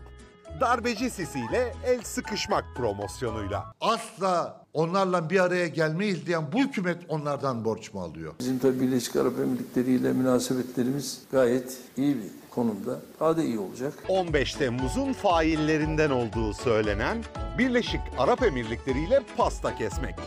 5 milyar dolar swap. Onların davaları ve vicdanları Erdoğan'ın swap hesaplarıyla mı sınırlıdır? Vatansever olsa dün küfrettiklerinin bugün elini öpmek için sıraya girmezdim. Suriye'de YPG ile kol kola gezen Rusya ile arayı düzeltmek, doğalgaz ödemelerinde 2024'e kadar erteleme, katil Esad'la görüşebiliriz promosyonuyla. Cumhur İttifakı. Daha ucuzu yok. Bunlar da sadece otoriter ülkelerde yaşanır. Murat asgari ücretlinin parası Katar'dan. Emeklinin parası Suudi Arabistan'dan. Ee, e, memura yapılacak zam Birleşik Arap Yaşa Emirlikleri'nden. takılanlar kimden? Acaba Efendim? yaşa takılanların paraları Yaşa takılanların parası da yine bir yerlerden gelecek. Hani düğünlerde var ya gelinin teyzesinden şu kadar, gelinin amcasından bu kadar. İktidara seçim kazandırır mı bu taşıma suyla değirmen dönemi? Valla çok güzel bir soru. Bu soru insana başka soruları da canlandırıyor. Örneğin e, ülke bu kadar derin bir ekonomik krizin içinde olmasaydı tabii 20 yıllık Adalet Kalkınma Partisi iktidarındayız. Olmasaydı ve bir seçime doğru gidiyor ol, olmasaydık acaba Erdoğan yine katil Esed dediği Esad'la Esad'ın koyduğu koşullara rağmen İdlib'den çık, işte işgalci olduğunu kabul et filan diye yüksek perdeden konuşmasına rağmen ya biz barışmak istiyoruz der miydi? Neden? Çünkü Putin öyle istiyor. Çünkü Putin diyor ki ben sizi işte gaz merkezi yapacağım, tahıl merkezi yapacağım filan. E işte BOTAŞ borçlarını ben ertelerim filan böyle bir havuç göstererek e, sen de Esad'la barış diyor. Acaba bu koşullar olmasaydı, seçime gidiyor olmasaydık ve ekonomik krizi aşmanın başka bir yolunu buluyor olsaydı Erdoğan mesela Cemal Kaşıkçı cinayeti değil mi? Onu Muhammed Bin Selman Veliaht Prens Suudi Arabistan'ın e, işledi diye bütün dünyayı da ikna etti. Amerikan Başkanı Joe Biden da aynı şekilde kınamıştı. Şimdi gittik al cinayet dosyasını size emanet ediyoruz dedik. Onlar güzelce kapattı. İşte 5 artı 5 10 milyar dolar Merkez Bankası'na hesap açıyor Suriye. Bir de Mısır'la barışma arada var. Bütün bunlar olur muydu? Hiç zannetmiyorum ben. Hiç zannetmiyorum. Şimdi buradan şu sonuç çıkmasın. Niye biz bunlarla barışıyoruz? Hayır. Niye kavga ettik başta? Hani meselemiz bu. Niye biz başta bu kadar hani gençlerin deyimiyle şey yapayım atarlı bir dış politika izledik. Efendim değerli yalnızlık dedik. Bilmem ne dedik de bu hale geldik. Şimdi ekonomik baskılarla dışarıdan ekonomik baskılarla e, barışmaya çalışıyoruz. Çok güzel örnekler verdin. Suudi Arabistan'ın müstesna bir yeri var bu şeyde. E, çünkü Suudi Arabistan bize bayağı Merkez Bankası'na hesap açtı. Bu swap anlaşması gibi değil. Herhangi Keş bir para, keş. koşu- Bayağı hesap açtı. Çok güzel net rezerv. Tamam. O anlamı ne? Sen onu hiçbir koşula bağlı olmadan kullanırsın. Ne zamana kadar ama biliyor musun? Suudi Arabistan'ın kafasını yeniden kızdırana kadar hesabını çekiverir. Şimdi bu durumdayız. Yani seçim kazandırır mı? Seçim valla e, çok zor. Bu sadece bu yüzden yani dış politikayla seçim kazanılması dünya tarihinde görülmemiştir. Örnek vereyim mi? Churchill 2. Dünya Savaşı'nı kazandığı seçimi kaybetmiştir. Bülent Ecevit Kıbrıs Fatihi olduğu seçimi kaybetmiştir. Yani çok şey yaparız örnekleri. Amerikan Başkanı Bush e, e, daha yeni bu Özal kitabını yazdım. Oradan ya çok taze bilgilerim. Ya Körfez Savaşı'nı kazandığı seçimi kaybetti Bush. Yani dış politika tek başına seçim kazandırmaz. Ama Gelen paralar kazandırır. bu gelen paralar kazandırır mı? Paraların ne zamana kadar geleceği bağlı. Acaba Evet. seçime kadar gelecek mi? Mesela bu dış yatırımlar, beklenen yatırımlar Seçime kadar seçime kadar Se- gelecek mi? Murat seçime kadar gelecek gibi Aynısı görülüyor. Yani F-16 uçakları para- için de geçerli. para- seçime kadar gelecek Para mi? gelecek. Para geliyor da seçime kadar da gelecek de mesele şu sokaktaki vatandaşa. Hani bu ne kadar yansıyacak ve sokaktaki vatandaş bunu hissedebiliyor mu? Ee, enflasyon oranları açıklandı. Şimdi %85'ten %84'e geriledi enflasyon Çiğdem. Ama sadece Kasım ayı içinde %2.88 arttı. Bu da fiyat artışlarının tam gaz devam ettiğini görüyoruz. Kasım'da yine en çok gıda fiyatları artmış. TÜİK rakamlarına göre gıda fiyatlarında bir ayda %5.75'lik artış olmuş. Gıdada yıllık enflasyon %99'dan %102'ye yükseldi. Yani TÜİK'e göre bile 3 haneli oldu gıda fiyatları. Tabii yani bir de şöyle bir şey var. Buna rağmen Ee, kazandırır mı bu işler? Bu dışarıdan gelen paralar vesaire. Yani enflasyon e, düşüyor gibi gözüküyor ama hayat pahalılığı sürecek ve sürüyor. E, dışarıdan gelen paralar bir soluklanma sağlar. E, bu kısa vadeli şimdi EYT diyoruz, asgari ücret diyoruz, e, emekli zamları diyoruz. Onlara ilişkin bir e, nakit açısından bir kaynak girişi olacağı için o kaynak girişi bunda kullanılabilir. Bu bir. İkincisi 2023 yılı bütçe açığı 660 milyar lira olarak öngörüldü. Çok büyük bir tutar bu. Bu 660 milyar liralık açık tipik bir seçim şeyi anlamına geliyor. Yani belli ki kit zamları falan da frenlenecek. Ee, ve kullanılacak burada. Yani seçime kadar zaten 2023 yılı bütçe görüşmelerinin e, ardından yazılan muhalefet şerhinde de bu konu epeyce bir e, vurgulan, vurgulandı, incelendi. Yani seçime dönük bir açık politikası benimseniyor diye bütçe açığında bu paralarda bir nakit şeyine karşılık gelecek ama önemli olan bunun bir etkisinin sü- süresi. İkincisi hayat pahalılığı geçmeyecek ki yani o e, şeyler gıda enflasyonu özellikle e, milyonlarca insanı açlık sınavından geçirmeye devam ediyor. Evet. Şimdi tabii bu fiyat artışları sürüyor ama e, müjdeler olsun ki e, bir e, artış yok. Bir malda artış yok. O da poşette. Yani markete gidip de e, bir şeyler aldıktan sonra e, e, doldurduğumuz poşetlerde, daha doğrusu dolduramadığımız poşetlerde artış yok. E, bu arada biliyorsunuz her hafta klipler hazırlıyoruz ve çok beğeniliyor. Az önce de yine e, gösterdik. Bu kez e, muhalefet partileri klipler hazırladı. Hem bu poşet meselesini hem bu muhalefet partilerinde kliplerin, kliplerin içinde olduğu bandı bir izleyelim ondan sonra devam edelim. Üzgünüz. Peynirin kilosu artık 121 lira. Toz şeker %228 daha zamlı. Üzgünüz. Ayçiçek yağının litresi 45 lirayı buldu. Bu yılda aldığımız kararla poşet fiyatını 25 kuruş olarak belirliyor ve herhangi bir artışa gitmiyoruz. Aldığımız tedbirlerin etkisiyle inşallah önümüzdeki yıl başından itibaren enflasyonun boynunu kırmış olacağız. Enflasyonun boynunu kırıp kıramayacaklarını bilmiyorum ama milletin belini kırdılar. Millet gerçekten yoksulluk içerisinde kıvranıyor. Tavuğun %114, yumurtanın %91 zamlandığı alışverişten bu millet nasıl çıkar onu düşünüyoruz. Evet bu ülkenin bir üç harfli sorunu var. O üç harfliler de AKP'dir, MHP'dir ve maalesef RTE'dir Sayın Cumhurbaşkanı'nın isimlerinin ön harfleri. Marketler ekonomiye müdahale edemez. Ancak ekonomi marketlere müdahale edebilir. Baz etkisine rağmen açlık oyunları tam gaz devam ediyor. Doğalgaz %162. Zamlar peynir ekmek gibi gidiyor. %130. Bu yılda aldığımız kararla poşet fiyatını 25 kuruş olarak belirliyor ve herhangi bir artışa gitmiyoruz. Tereyağını tencerede tutabilene aşk olsun. Öyle bir koptu geliyor ki Zampiyon'u iyi oyunun değil, 3 harfli kötü yönetimin belirlediği bu kepaze ligi sonlandırmaya çok az kaldı. Bakan poşette zam yok dedi. E, vatandaş için doldurabiliyor mu peki? Evet güzel sordunuz Doğan.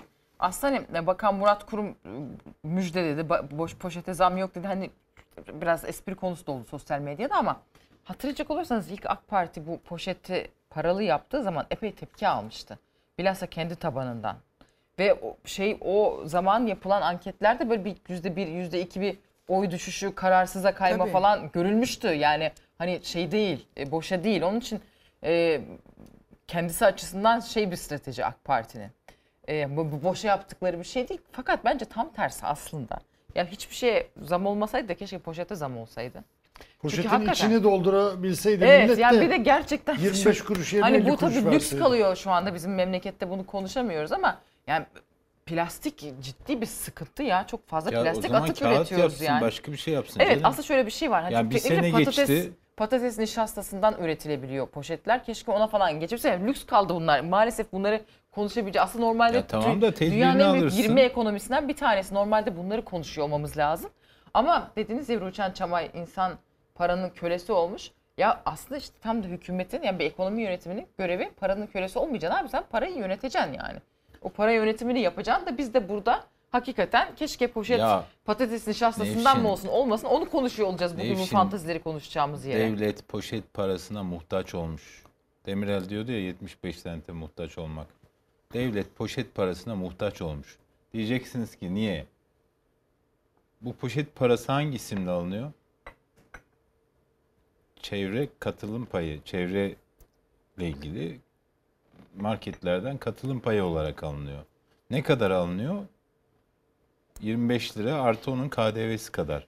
Yani bugün marketten bizim 25 kuruş, 25 kuruş aldığımız poşetin karşılığında market devlete 29,5 kuruş para ödüyor. Yani aradaki o 4,5'luk fark KDV olarak marketin cebinden çıkıyor. Onun için zam yapmak istiyorlar. Aynen. Şimdi sabah Ozan Bingöl'ü bilmiyorum dinlediniz mi? İlker Evet, Karagöz'e çıktı. Dedi ki bu sene dedi yeniden değerlen değerleme yani zam zammın yeni adı ya o yeniden değerleme. Yeniden değerleme ile bu miktar 55 kuruşa çıkacak. Artı KDV 60'a yakın. Yeni harçlarda yapılacak artış yeniden değerleme aslında. Bazı vergilerde ve harçlarda. İşte bu şey e, çevre katkı payı. Evet, evet. Bu buna da %122 oranında Hı hı. zam geliyor. Dolayısıyla onun vergisiyle birlikte 60 kuruşu bulacak. Yani zam yapmadık diyor ya bakan. Ee, gelecek sene bu yeniden değerleme ile birlikte marketler bize 25 kuruşa sattıkları poşetin karşılığında devlete yaklaşık 60 kuruş para ödeyecekler. Bu inanılmaz bir şey. Yani market sahibi de diyor ki ister istemez kardeşim ben e, niye cebimden ödeyeyim? Ne yapıyor peki tedbir olarak? Poşet ma- maliyetini de fiyatlara yansıtıyor. Zam yapıyor. Yani Yani yine vatandaşın üzerine. Yine vatandaşa yakıyor. Aynen Ma- market kendi şeyine e, çevreyi koruyacağım diye cebinden para öder mi devlete? Vatandaştan alıyor. Böyle saçma bir şey olmaz. Bir de aradan bir sene geçmiş kardeşim. Madem poşet kullan plastik poşet kullanılmasını istiyorsun, o zaman kural koy. Kağıttan yapılsın, atık kağıttan yapılsın, geri dönüşümlü kağıttan yapılsın. Bir de bu kimin projesiydi? Hatırlayan var mı? Sayın Emine Erdoğan. Hanım. Sıfır atık. Evet. Şeyiyle hani güya bu plastik atıkları azaltmak için Evet. paraya bağlamışlardı. Arkadaşlar tabii burada önemli bir mevzu tabii poşet ama poşetin içini dolduramayan memurlar, emekliler, asgari ücret bekleyenler şu anda yılbaşı geliyor ve zammı bekliyorlar. Maaşlarına yapılacak artışları bekliyorlar. Enflasyon rakamları açıklandı. Açıklandığından çok daha fazla hissediyoruz sokakta. Yurttaşlar olarak hepimiz hissediyoruz. Ee, işçinin ve muhalefetin bu konudaki talepleri netleşmeye başladı. Ee, bu asgari ücret konusunda özellikle bir bakalım bu talepler ne, netleşen şeyler ne bir izleyelim.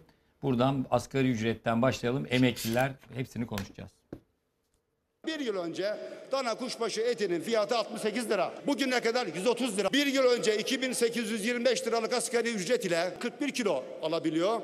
Bugün 5500 liralık asgari ücret ile 42 kilogram alabiliyor. Çok artış yok ama düşmemiş. Sayın Canikli hangi kasaptan et alıyorsa kasabın adresini hepimiz merak ediyoruz. Fakirleşme yok, zenginleşme var. Rakamlar bunu gösteriyor. Bir yıl önce asgari Sayın ücretli 2825 lira ile biz varız. 200 9 dolar alırken bugün asgari ücretli 5500 lira ile 295 dolar alıyor. Dolar bazında artış yüzde 43. Biz masaya işçinin açlık sınırı olan 7785 yere oturuyoruz. Araştırmayı yapan arkadaşları tanıyorum. Hem nasıl yapıldığını yöntemini biliyorum. Bu bilim bilimsel yöntem değil. Asgari ücret teklifimiz en az 10.128 TL olmalıdır. Büyüme oranları da göz önüne alınmalı pay verilmelidir. Kasım ayının başında Türkiye çapında bir araştırma yaptırdık. İşçilerin olması gereken rakam olarak 7500 lira çıktı. E bul getir görelim o işçiyi. Hangi işçiye sordun? Saraydakilere mi sordun? AKP gençlik kollarına mı sordun? İstanbul'da, Ankara'da asgari ücretle kirayla oturmak mümkün değil. Asgari ücretle çalışan işçiler büyük şehirde daha yüksek. O da 7600 lira çıktı. İşçi diyecek ki bana açlık sınırında asgari ücret ver. Allah aşkına kim inanır buna? Asgari ücretlerin oranı %38 küsür. Merkez Bankası'nın araştırmalarına göre oranı %50. Evet inanılır gibi değil ya. AK Parti Genel Başkan Yardımcısı Nurettin Canikli neredeyse asgari ücrete e, zam yapmayalım önerisi getirecekmiş gibi konuşuyor.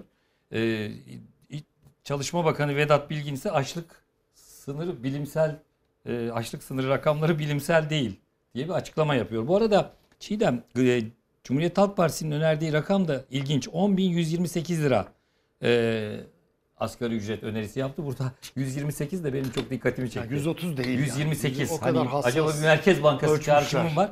E, nasıl değerlendiriyorsun? Bu ortamda nasıl bir rakam masadan çıkar sence? Ben e, şöyle söyleyeyim. e, geçen hafta Ankara'da taksiye bindim. Orada e, taksi şoförü çok gergin ve sinirliydi. Söylediğim adresi bilmediğini söyledi. Tarif istedi. Halbuki çok bilinebilecek bir adresti. Ben de gergin misiniz biraz dedim. Bir poğaça e, yiyecektim. Bana 196 liraya mal oldu dedi. E, anladığım kadarıyla park etmemesi gereken bir yerde park etmiş ve ceza yazılmış. O- zaten bırakacağım bu işi dedi ve işte dert yanmaya başladı. Asgari ücret de 10 bin lira oluyormuş. Ben taksi şoförlüğünü bırakacağım dedi. Şimdi anlaşılan o ki e, bir 10 bin lira beklentisi toplumun değişik kesimlerinde var ve bu 10 binde kulağa kötü gelmiyor. Yani e, şoför esnafını, taksicileri iş değiştirmeye yöneltecek kadar en azından e, bir e, mevcut düzenine göre daha az yorucu ve biraz daha çekici geliyor. E, iktidar medyasındaki bazı kalemlerin de 10 bin liraya yakın bir e, rakamın düşünüldüğünü yazdığını okudum ben geçtiğimiz günlerde. E şimdi bunu yurt dışından gelecek olan e, son kaynaklarla işte swaplarla ve bu depo hesabı Suudi Arabistan'ın 5 milyar dolarlarla filan düşünüldüğünde bel- belki gerçekten de iktidarın kafasında 10 bin liraya yakın bir e, tutarı belirlemek vardır ama işte bu mesele tek yönlü bir mesele değil. Yani işte işveren e, Boyutu boyutu, var. var. Mesela işte onların işte kendilerine göre işçilik maliyeti hesaplamaları var. İşte onun karşılanmasını talep ediyorlar filan.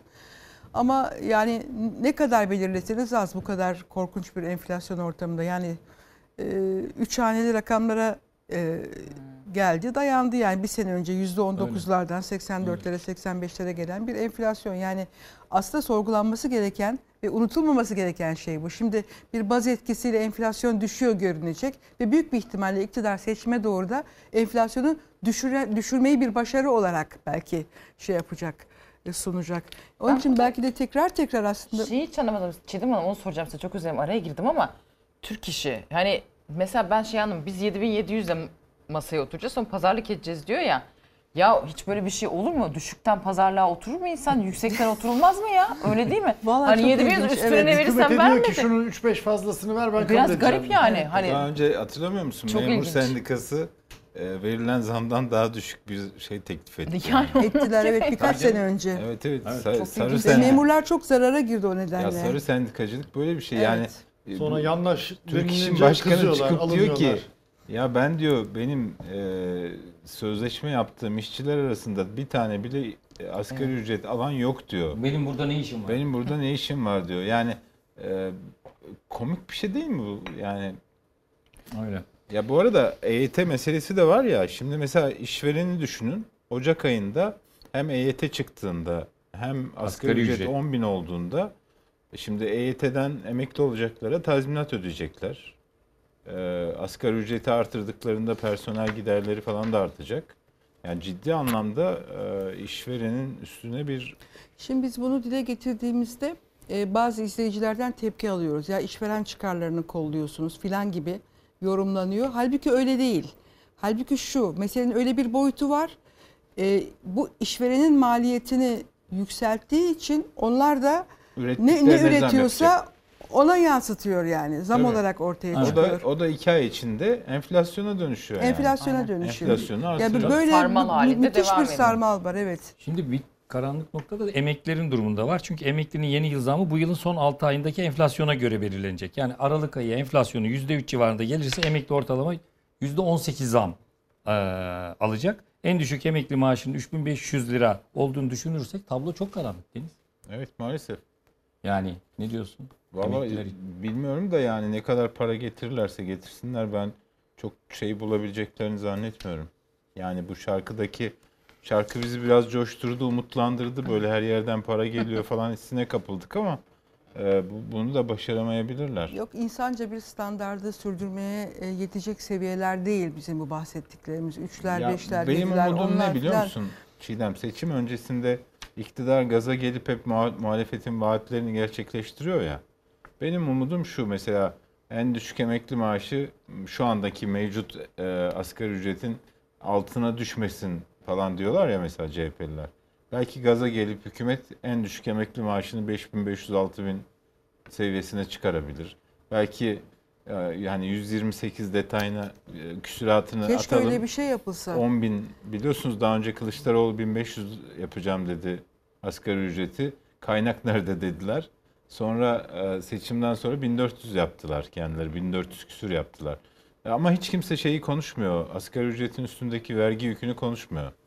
Yani devlet ben oradan fedakarlık yaparım biraz da siz şey yapın ama işçi yeter ki rahatlasın, çalışan rahatlasın diyen yok.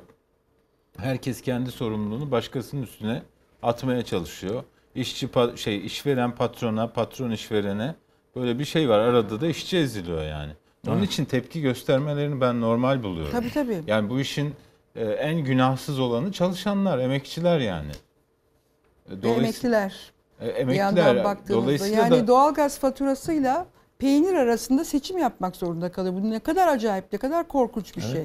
Yani ya yarım kilo peynir alacak ya faturayı ödeyecek. Birini alırsa birini yapamayacak. açlık yani sınırının altında kal- ya %18 gelirse işte en düşük memur emeklisinin maaşı 6078 liradan 7172'ye çıkacak eğer %18 gelirse. Ya bir kilo e bu da açlık sınırının bir kilo altında peynir demek. 9 arkadaşlar. dolar olur mu ya? Şey yani hadi pardon kaç oluyordu? 120 200 200 lira civarında artık peynirler. Yani işte evet 10 dolar o zaman 200 ise 10 Yani- dolardan fazla olur mu ya?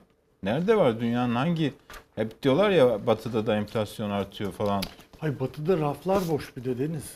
Sadece şey değil yani yok peynir hani paran olsa da yok. ironi yapıyorsun da taraf gerçek boş zannedilecek şimdi. Gerçek Öyle diyor Cumhurbaşkanı inanmayacağız mı ya? Ya biz geçen ay e, yani ben hem Fransa'ya hem İspanya'ya gittim. Hiç öyle bir Söylemesi şey yok. ayıp diyorsun. Söylemesi ayıp. Şimdi bir arkadaşım Almanya'dan mesaj göndermiş. Rafları çekmiş göster göndermiş böyle. Değil, boş değil miymiş? Boş değil. yani gönderdiği şey Aa. boş değil yani. Allah Allah. Başka bizim- bir başka bir izleyicimiz başka bir fotoğraf göndermiş. Ya geçen sene hatırlıyor musunuz? Ee, tuvalet kağıdı 32 rulo e, 99 oldu diye burada eleştirmiştik. Bir izleyicimiz e, fotoğraf göndermiş 206 lira. Aynı marka, aynı şey. Aradan daha 8-9 ay geçmiş. Fırlamış. 206 lira olmuş ya. Evet. Şimdi tabii bir de emeklilerin hali perişan. Memur emeklisi, işçi emeklisi bir de emekli olamayanlar var ki şu anda ciddi de bir oy potansiyeli var. Ben yani. Seçim öncesi sen yani. Şimdi emeklilikte yaşa takılanlar 14 1 Aralık'ı çözüm ayı olarak düşünüyorlardı. Aralığın neredeyse ortası geldi. Hala bir gelişme yok. Ee, yeni bir yaş sınırı gündeme geldi ve Vedat Bilgin 99 yılı öncesine ait evraklar kayıp dedi. Bakan Bilgin son açıklamalarında daha doğrusu açıklamamalarında e, pek bir şey anlaşılmadı. Bir e, hangi açıklamayı yapmış ya da hangi açıklamayı yapamamış bir bakalım ona devam edelim. Giderek öyle talepler geliyor ki işte tartışılan kamuoyunda tartışılan şeyler herhalde bunlarla ilgili duyumlar. Yaş sınırından Sayın Bakan 3 dakika ilave ediyorum. Teşekkürler Sayın Başkanım. Niye uzadı? Uzamasının birkaç sebebini size söyleyeyim. İşveren diyor ki benim çalışanlarımın biz bunları kaybetmek istemeyiz. Ama bir de bize mali yükü var. Biliyorsunuz bu 99 8 Eylül öncesi çalışanlar işe girenleri. Onları kapsıyor.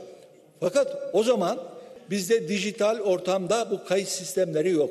Bunların büyük bir çoğunluğu iş değiştirmiş, evrakları kaybolmuş veya evrakları bulunamıyor.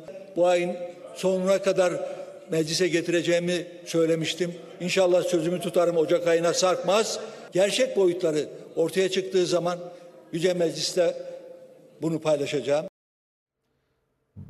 Bakan Bilgin tam konuya geldi. Süresi dolduğu için sesi kesildi. Ne şanslı bir adam. Ne şans, evet ne şans. Ee, bir de 1999 öncesinde işe girenlerin evrak eksiği olduğunu söyledi. Şimdi sen de EYT bekliyorsun. Baktın mı evraklarında Ben bir eksiklik var mı? Ee, Bir kayıplık kayıp var mı evraklarında bak. Yo ben E-Devlet'e girdim her şeyi buldum orada gün gün saat neredeyse saat yazacak. Şu kadar gün şu kadar Sayın saat. şu Bakan'a bir link atsana ya belki E-Devlet'e girsin E-Devlet'e. baksın hepsi orada kayıtlı yani. Ya İşe bu- giriş tarihin belli.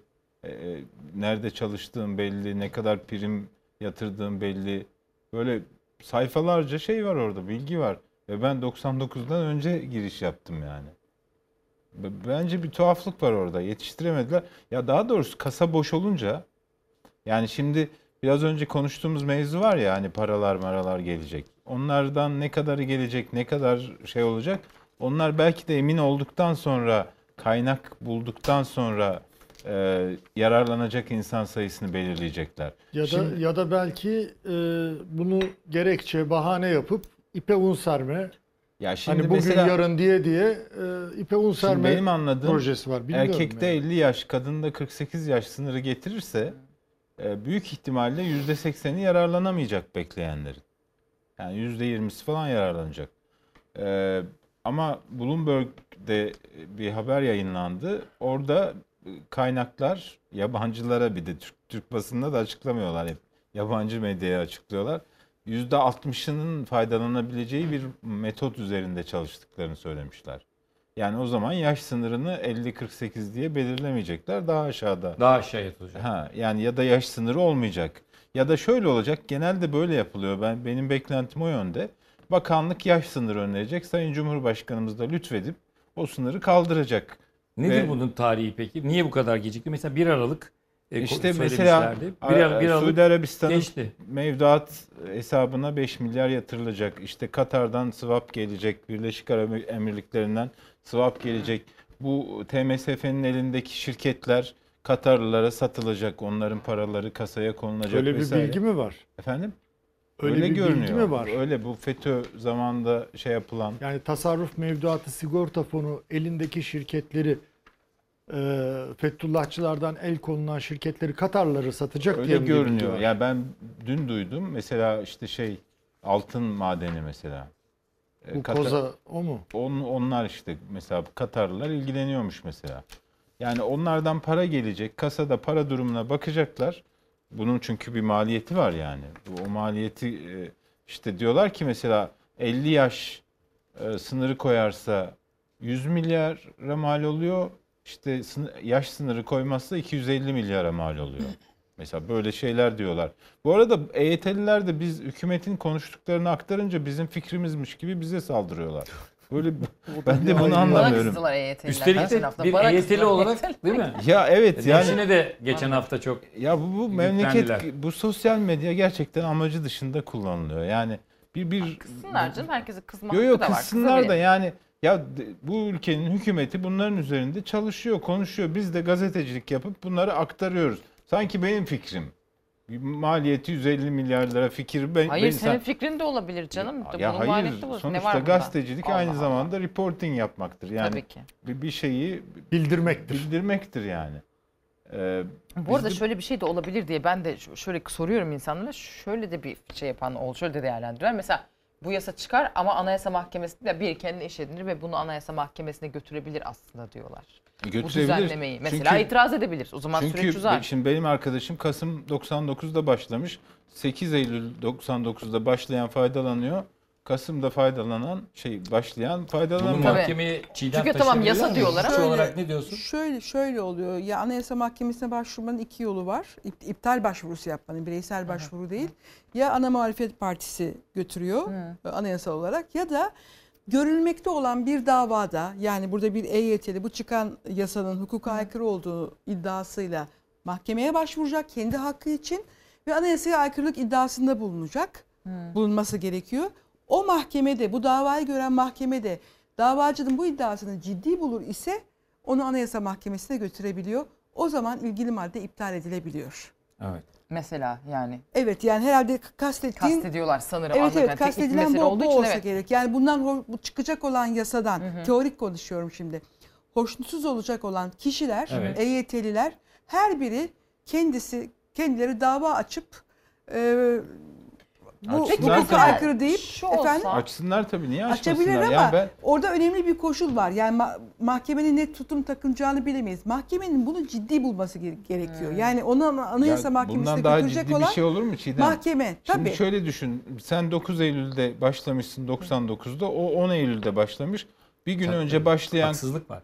başlayan EYT'den faydalanıyor. Bir şöyle gün sonra yalnız ben hani bir çerçeve anlattım ama şö- şöyle yani bunun yapılabilmesi için önce bir ka- kanunun çıkması, Çıkması lazım, ve tabii. yayımlanması lazım. tabii. Biz bilmiyoruz şimdi nasıl bir Ama belki ne olursa belki olsun. harikulade bir kanun de çıkaracaklar. Bir de mesela bak- koyacakları sınırın Evet. e, sınırı çok az bir farkla e, kaybeden, hakkından olan insanlar bu mahkemeleri Ya bir şey Artık- söyleyebilir miyim? Ben yine Anayasaya aykırılık kızacak ama. iddiasıyla kendileriyle Yok, ilgili bir kızmasınlar. dava Ben- açabilirler. ben- Ciddi bulunursa Ben- da Anayasa ben de Mahkemesi'ne kızacak bir, bir şey söyleyeyim mi?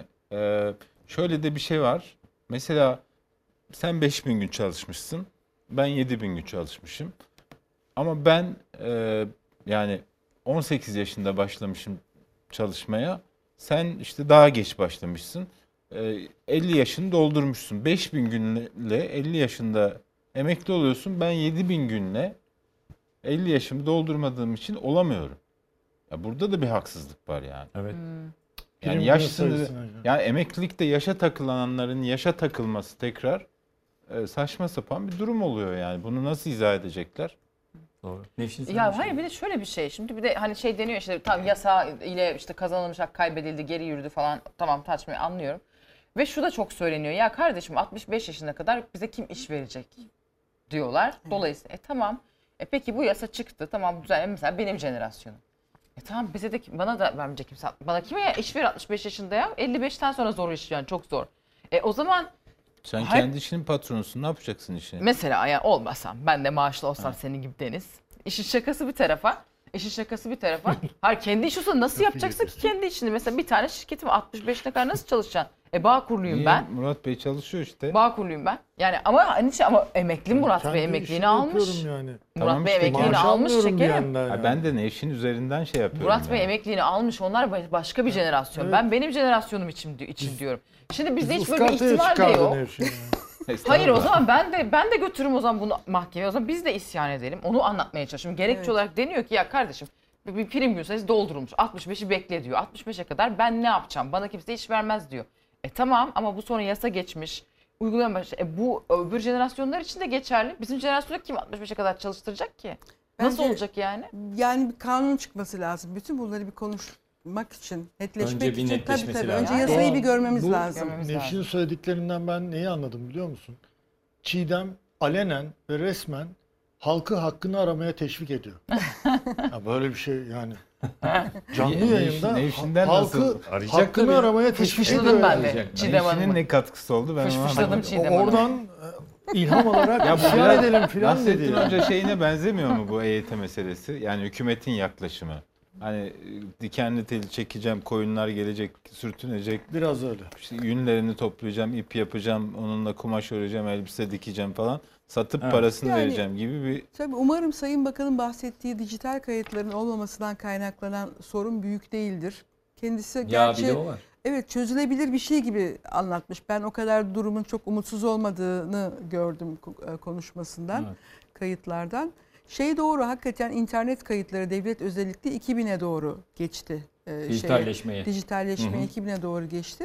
Ama bu saate kadar aradan 20 küsur yıl geçmiş. Yani dijital bir ortamda olmasa bile onların dijitalize edilmiş olması gerekiyordu çoktan. Kesinlikle. Kayda girmiş olması gerekiyordu. O da ayrı bir Yani devlet böyle bir şey yani. Bakalım bu tabi çıkacak yasanın e, anayasaya aykırı olup olmadığını göreceğiz ama anayasa demişken şimdi CHP'nin başörtüsüne yasal güvence getiren teklifine karşı Cumhurbaşkanı Erdoğan'ın anayasa restiyle ilgili AK Parti son adımını attı. Evet. Bunu gördük bu hafta. Sadece başörtüsü değil e, ay- e, düzenleme aile yapısına ilişkin de e, bir takım şeyler içeriyor. E, 336 imza ile meclis başkanlığına sunuldu AK Parti'nin bu anayasa düzenlemesi.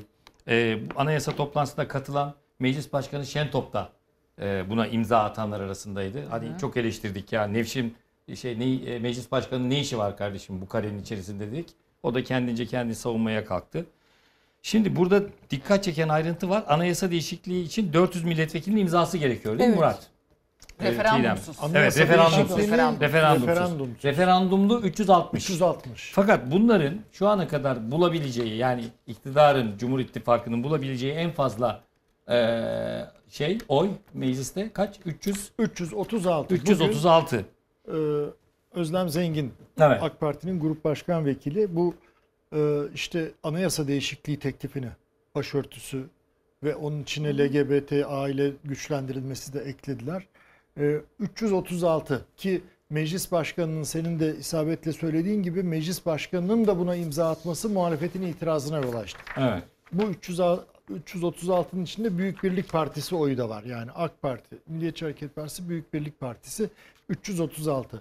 Şimdi Özlem Zengin diyor ki bunu referandumsuz geçirelim. Ee, referandumsuz geçirmek için 400 oya ihtiyaç var. Referandumla geçirmek için de 360'a 360'a da ulaşamıyorlar. 360'a ulaşmak için eğer 335 dersek çünkü meclis başkanı oturumu yöneteceği için o oy kullanmayacak. 25 oy açık var. Peki şu düşünülebilir. O 25 oy açığı işte milletvekili transferleri başlar. Bağımsızlardan, efendime söyleyeyim grubu olmayan siyasi partilerden oy devşirmeye çalışırlar diye insanın aklına gelebilir. Ama grubu olmayan siyasi partilerin ve bağımsızların toplamı 18 sandalye. 18 ediyor yani 25 etmiyor. Bu durumda referandumlu olması için ki bu 18'in içinde hani altılı masa üyeleri var ne bileyim Türkiye İşçi Partisi var hani Memleket Partisi Zafer Partisi falan var yani şey e, bir garanti yok. Hı. Referandumsuz e, bu anayasa değişikliği için bile bir garanti yok ki bu hani bir şeyde provası gibi seçim tarihini öne almanın da bir provası gibi. Onun için eğer referandumsuz geçirmek istiyorlarsa ve ya da geçirmek istiyorlarsa bu yasayı mutlaka ve mutlaka AK Parti ve MHP HDP'nin, İyi Parti'nin ya da CHP'nin kapılarını çalmak zorunda. Başka Çaldı. türlü yapamazlar. Çaldılar zaten. Çaldılar da ondan sonra 50 tane tövbe ettiler. Yani HDP'nin kapısını Ya çalmaktan 50 tasarıyı tane hazırladılar tövbe ettiler. şimdi. Tasarıyı bu haliyle mi Şimdi çalacaklar, Bu ne haliyle mi çalacak? diye. Çünkü Kılıçdaroğlu diyor ki Cumhuriyet Halk Partisi lideri diyor ki eğer bizim yasa teklifimize uygun olursa oy veririz diyor. Ama şu bugün açıklanan şekliyle Cumhuriyet Halk Partisi'nin yasa teklifinin bir alakası yok. Evet. Yani bugün Tam yeri geldi içeriğin Murat. Evet. Tam senin dediğin. Tamam. Şimdi ben bunu Çiğdem'le Nefşin'e soracağım. Şimdi AK Parti'nin e, içeriğinde de yani bu anayasa şeyinde de bir takım sıkıntılar var. Valla ben işte e, temel nitelikleri arasında demokratik, laik, sosyal bir hukuk devletidir diyor ya anayasa Türkiye Cumhuriyeti Devleti için. E, şimdi laiklik, ilk, laiklik prensibini e, çıkarmaya neredeyse denk görüyorum bu maddeyi. Ama bu bunu doğrudan yapmak çok sorunlu bir süreci başlatacağı için Evet. e, siyaseten e, bence bu göze alınamadı. Ama bu bu kadar detaylı ve bu kadar keskin ve bu kadar uzun tunturaklı bağlayıcı bir madde hazırlanarak bence e, laiklik ilkesi aslında de facto burada sonlandırılıyor fiilen. Sonlandırılmak isteniyor. E, yani inanca çok fazla büyük bir önem e, atfedilmiş. Şeyi okuyayım mı? Bir, iki- Onun üzerine konuşalım. İster Lütfen, misiniz? lütfen. Hani Tabii, tabii. Tabii, tabii. Diyor ki hiçbir kadın dini inancı sebebiyle başını örtmesi ve tercih ettiği kıyafetinden dolayı eğitim ve öğrenim, çalışma, seçme seçilme, siyasi faaliyette bulunma, kamu hizmetine girmeyle diğer herhangi bir hak ve temel hürriyeti kullanmaktan ya da işte kamu veya özel kesim tarafından sunulan mal ve hizmetlerden yararlanmaktan hiçbir surette yoksun bırakılamaz. Ben doğru mu yorumladım? Siz bir şey yaparsınız. Dini inancı sebebiyle başını örtmesi ve kıyafet tercih etmesi denmiş. Evet. E bir tek inanç dini inanç mı? Hani idealleri olabilir, Tabii. siyasi inanç. Çok- yani çok- bu dini kelimesi mi burada bir şey, trik? Bu, bu Ayrıca mesele bu- dini demese hiçbir şey kaybetmeyecek Metin. Evet, niye Evet, öyle demiş? tabii. Metinde bir şey olmayacak. Onu yani göze sokmak için Tabii oraya- Mi? altını, Ama bir altını, trik mi yoksa o işte? altını özellikle çiziyor bence onu orada. Yani dini inancın altını özellikle çiziyor. Bir de burada şöyle bir durum da var. Ben e, şeyle de konuştum. E, Profesör İbrahim Kaboğlu Hı hı. hocayla anayasa hukukçusuyla da konuştum. Kendisinde çok yoğundu. E, görüşünü merak ettim. Şimdi hem usule ilişkin itirazları var. Bir Bekir Bozdağ diyor Anayasa Komisyonu Başkanı gibi adeta davranıyor. Usulen o problemli diyor. Şentop'un onaylaması usulen problemli diyor. O ayrı. Fakat içerik olarak da diyor ki yani nereye kadar gidecek? Bir bir bir kadın ben gözlerimin görünmesini istemiyorum dediğinde ve bu bir öğretim üyesi olduğunda e, işte o dersi öyle verecek mi? Ya da işte sınav sahtekarlıkları ile ilgili bir problem yaratacak noktaya gelmez mi? Böyle bir ihtimal var. Ben kendi cümlelerimle konuşuyorum. Yani boğazım görünmesin, boynum görünmesin, gözlerim görünmesin. E, yani bir merkezi sın- sınavı düşünelim. Ya, o orada birçok sahtecilik potansiyeli olarak Ya onun yolu bulunur da mesele Bu- bu şeylerden birisi. O- bu Ya çok işte önemli Ben bir peçe şey. takmak istiyorum diyecek. Peçeyle. Ya bu şimdi yapılıyor mesela güvenlik Güvenlik şey- şeyi. güvenlik şeylerinde kadın e, Yani şöyle bunlar bakıyorlar. örnek de kamu hizmeti açısından sorun yaratabilecek, sorun Bence üretebilecek mesele orada kamu hizmetleri bundan daha açısından. önemlisi dini referans. E, Bir şey söyleyebilir miyim? önemli bir birçok şey var işte. Yani dilim döndüğü Bunu, birçoğunu bunu sıralamaya çalışıyorum. izleyicilerimizin de böyle sadeleştirerek e, anlaması açısından soruyorum. Bir, e, sadeleştirmeye kalkarsak laiklik şeyine anayasada at- atılan ilk çengel midir sizce bu? Bir şey sordum ben bir kadın anayasacı arkadaşa Evet. da. Şimdi dedi ki bak diyor ki devlet ancak dini inancı sebebiyle kadının başını örtmesini ve tercih ettiği kıyafetin hiçbir surette engellememek şartla gerekli tedbirleri alabilir demiş. Şimdi burada diyor ki bu az önce okudum ve bu ifade şimdi burada dini vurgusu şu demek diyor. Mesela şey diyebilir. E, avuk- avukat mini etek giyemez veya hakim kırmızı topuklu E, ayakkabı giyemez attılar ya diyebilir. mini etek yüzünden. Diyebilir. Fakat dini vurgusu yapıldığı için başını örtmesine karışamaz. Bu ifade bunu getirir diyor. Böyle Hmm. yorumlar. İşte ben de bunu kastediyorum. Hı. Yani siz orada kıyafet şeyine bir gerekçe koyduğunuz zaman E, aynen. başına Dini dediğin sadece zaman. dini gerekçeyle istediğini giyebilirsin. Aynen. Evet. Dediğin zaman o Başka gerekçeleri tanımıyorsun yani. Evet. Ya ben özgürlükçüyüm kardeşim dersen o olmuyor. ya işte Sadece hakim bir kadın hakimi mini etek giyiyor diye işten atmışlardı. Yani e, ne giyeceğini kadının kendisi karar verir. Bu İlk çengel midir bu? Ee, bir çengel midir daha doğrusu laiklik şeyine? Önemli bir girişimdir. Evet. Öyle niteleyebiliriz. E, niteleyebiliriz. Yani Laikliği delme girişimi ilkesini, olarak. ilkesini alt üst eden fiiliyatta birçok uygulama oluyor tabii ki. Yani Milli Eğitim Bakanlığı'nın yaptığı protokoller, cemaat ve tarikatlar. Ama bu metinde ilk kez olacak. Yani anayasa Anayasa met- şeyi anlamında evet. E, bence anayasal e, metinde bu ilk kez karşılaştığımız bir şey. Yani kendimi de çok bağlamak istemiyorum. Yani Evet. yarın bir hukukçu kalkar Evet. şöyle bir madde de var diyebilir ama bu çok ciddi bir girişim. Onu Peki şimdi söyleyeyim. muhalefet- Yani bu şey şey, yani işte mi- mesela mini etekli avukat ya da kolsuz e, giyinen bir başka meslek sahibi onun gerekçesi dini olmadığı diyebilir. için Gerekçesi, Gerekçesi dini, dini olmadığı, olmadığı için. olmadığı için, evet. diyecek ki aa sen bu işte meslek bla blasına aykırı kardeşim. Yani sen dini bir şekilde anayasanın diyecek. ikinci maddesini delemedikleri için yani Tabii. Türkiye demokratik, laik, sosyal hukuk devletidir maddesini delemedikleri için böyle Ya yıpratmaya de çalışıyorlar. Muhalefete yani. tuzak. Altını Şimdi oymaya muhalefete tuzak. Şimdi CHP Olacak buna iş değil hakikaten. İşte- MHP'nin ilk dört madde kırmızı çizgisiydi. Öyle söylüyor. İşte onu resmen de ona dokunmuş olmuyor ama böyle Kenarından dolaşıyor. altını oyuyor yani. Ya bir de muhalefete tuzak. Şimdi ne diyecek bunları? Gidecek İyi Parti'ye gidecek, CHP'ye gidecek. Eğer şey derlerse ya yok kardeşim biz destek vermiyoruz. derse, Aa işte başörtüsüne karşı bunlar Karşı. LGBT'ci Tabii. diyecekler. Bunlar yarın iktidara gelirse işte her şeyi yapar. yasaklayacak. Bunlar aileyi Tabii. dağıtacak. Bunlar gay evinin önüne Bunlar atacak ateist, diyecekler. bunlar komünist, Evet. diyecekler. bunlar terörist. E, şimdi muhalefet kendini anlatmaya çalışacak. Yok ondan değil falan bu Evet. bir şey. E şimdi muhalefet bu da konuşuluyordu yalnız. Evet. Hani bu tartışmalar olmasın ve referanduma gitmesin diye. Şimdi referanduma giderse de iki sandık kuracak ya AK Parti Macaristan'daki hikaye. Hikaye. O zaman işte seçime de onu taşısın. E şimdi şunu da diyenler vardı. Bu konuşuluyordu kulislerde. E bu olmasın referanduma gitmesin diye muhalefetin buna tamam demesi, geçirmesi diye bir tartışma da var mesela. Ya da ya da öyle mi yapacaklar? Na- nasıl olacak? Hazır altılı masa demişken Batı cephesinde neler oluyor bir, bir bakalım. Eyvah, Yeni bir şey var mı yok mu Batı cephesinde? Ee, şimdi biri hükümet programı diğeri de adaylık konusu gündemde. Yine yani aslında bakarsanız her hafta bu e, gündemde. Fakat bu haftada ard arda açıklamalar geldi bu konularda. Kısaca bir bakalım e, üzerine konuşalım. Biz hükümet programını çıkaralım ki ben de aynı şeyi söylemeliyim.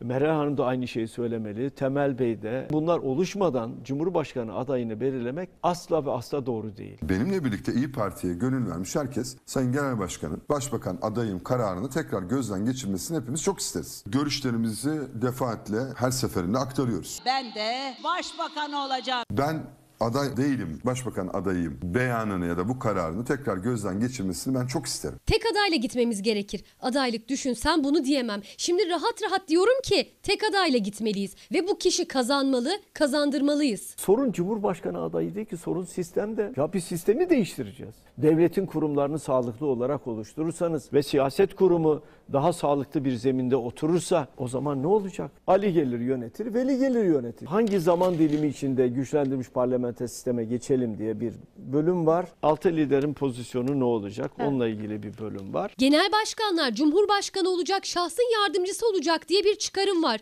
Buna kimse itiraz etmiyor. Ama o zaman genel başkanlar milletvekili ise milletvekilliği düşüyor. Cumhurbaşkanlığı yardımcılığı diye bir ifade kullanacağımıza öyle bir ifade bulalım ki milletvekilliklerini düşürmesin. Onun için eş güdüm konseyi gibi bir teklif getirdi. Bu bir danışma kurulu. Cumhurbaşkanı adayını belirledikten sonra eğer liderlerle uyum gibi bir sorun çıkarsa o başka bir felakete yol açar. Hepimiz de bunun farkındayız. Şimdi tabii her defasında adaylık gündemi geldiğinde önce hükümet programı belli olsun. Önce parlamenter sisteme geçişin yolları haritası belli olsun. Ama tabii içeride altılı masanın tabanında da büyük bir sabırsızlık var Deniz. Yani hepimiz işte konuşuyoruz aramızda. Biz gazeteciler olarak bile artık hani ya bu aday kimse çık, açıklayın kardeşim e, modundayız. E, parlamenter sistem, hükümet programı mı öncelik yoksa adaylık meselesi mi Deniz? Ya bence aday belirlenmediği sürece bu tartışmaların hepsi boş. Yani e, zaten yol haritası 3 aşağı 5 yukarı belli. Yapılacak olan değil anayasa şeyini açıkladılar anayasa teklifini öyle değil mi? Evet. O belli. Nasıl geçileceği belli. Yani bundan sonra bir aday kaldı. Aday konusunda bence oturup konuşmalar lazım. Çünkü benim gördüğüm kadarıyla AK Parti 16 Nisan'da baskın seçim yapmak gibi bir arayış içinde ve bu bu yönde Cumhurbaşkanı bir adım atar da e, meclis feshederse 16 Nisan'da seçime gidiyoruz hadi derse oturacaklar zaten hedeflerinden biri de bu alelacele aday belirlemeye çalışacaklar. Yani onu e, mesela şu anda bu iş için kafa yoran bir tek parti var e, işte Deva Partisi. Yani şu anda Deva Partisi'nin teşkilatları aday kim olsun diye çalışıyorlar. Ve e, bu mesele altılı masada gündeme geldiğinde bizim adayımız biz şunun aday olmasını istiyoruz diye bir net görüş ortaya koyabilecekler. Ama yarın hadi Meral Hanım diyor ya e, onlar seçim tarihini açıklasınlar iki gün sonra biz adayımızı açıklayacağız. O kadar kolay değil işte. Onlar diyelim açıkladılar. Kemal Bey de geldi dedi ki altılı masaya ben adayım kardeşim. Meral Hanım ne diyecek? Sen kazanamaz mısın diyecek. Diyelim dedi. Kemal Bey de dedi ki neye, neye göre kazanamam? Nereden Peki biliyorsun? öyle bir durumda Akşener gibi fedakarlık gösterir mi Kemal Bey? Ya işte Akşener'in kanıtlaması lazım. Neye göre kazanamaz Kemal Bey? Ya da o tarafın kanıtlaması lazım. Neye göre? Kazanır. Yani bu işte onun için AK Parti mesela bir bu ekonomik tedbirlerin yaratacağı e, olumlu ortamdan faydalanmak istiyor Nisan'da yaparak. Çünkü Nisan'dan sonra etkisinin birkaç ayda biteceğini biliyor. Tabii tabii biliyor enflasyon yine çıldıracak, yine uçuşa geçecek vesaire.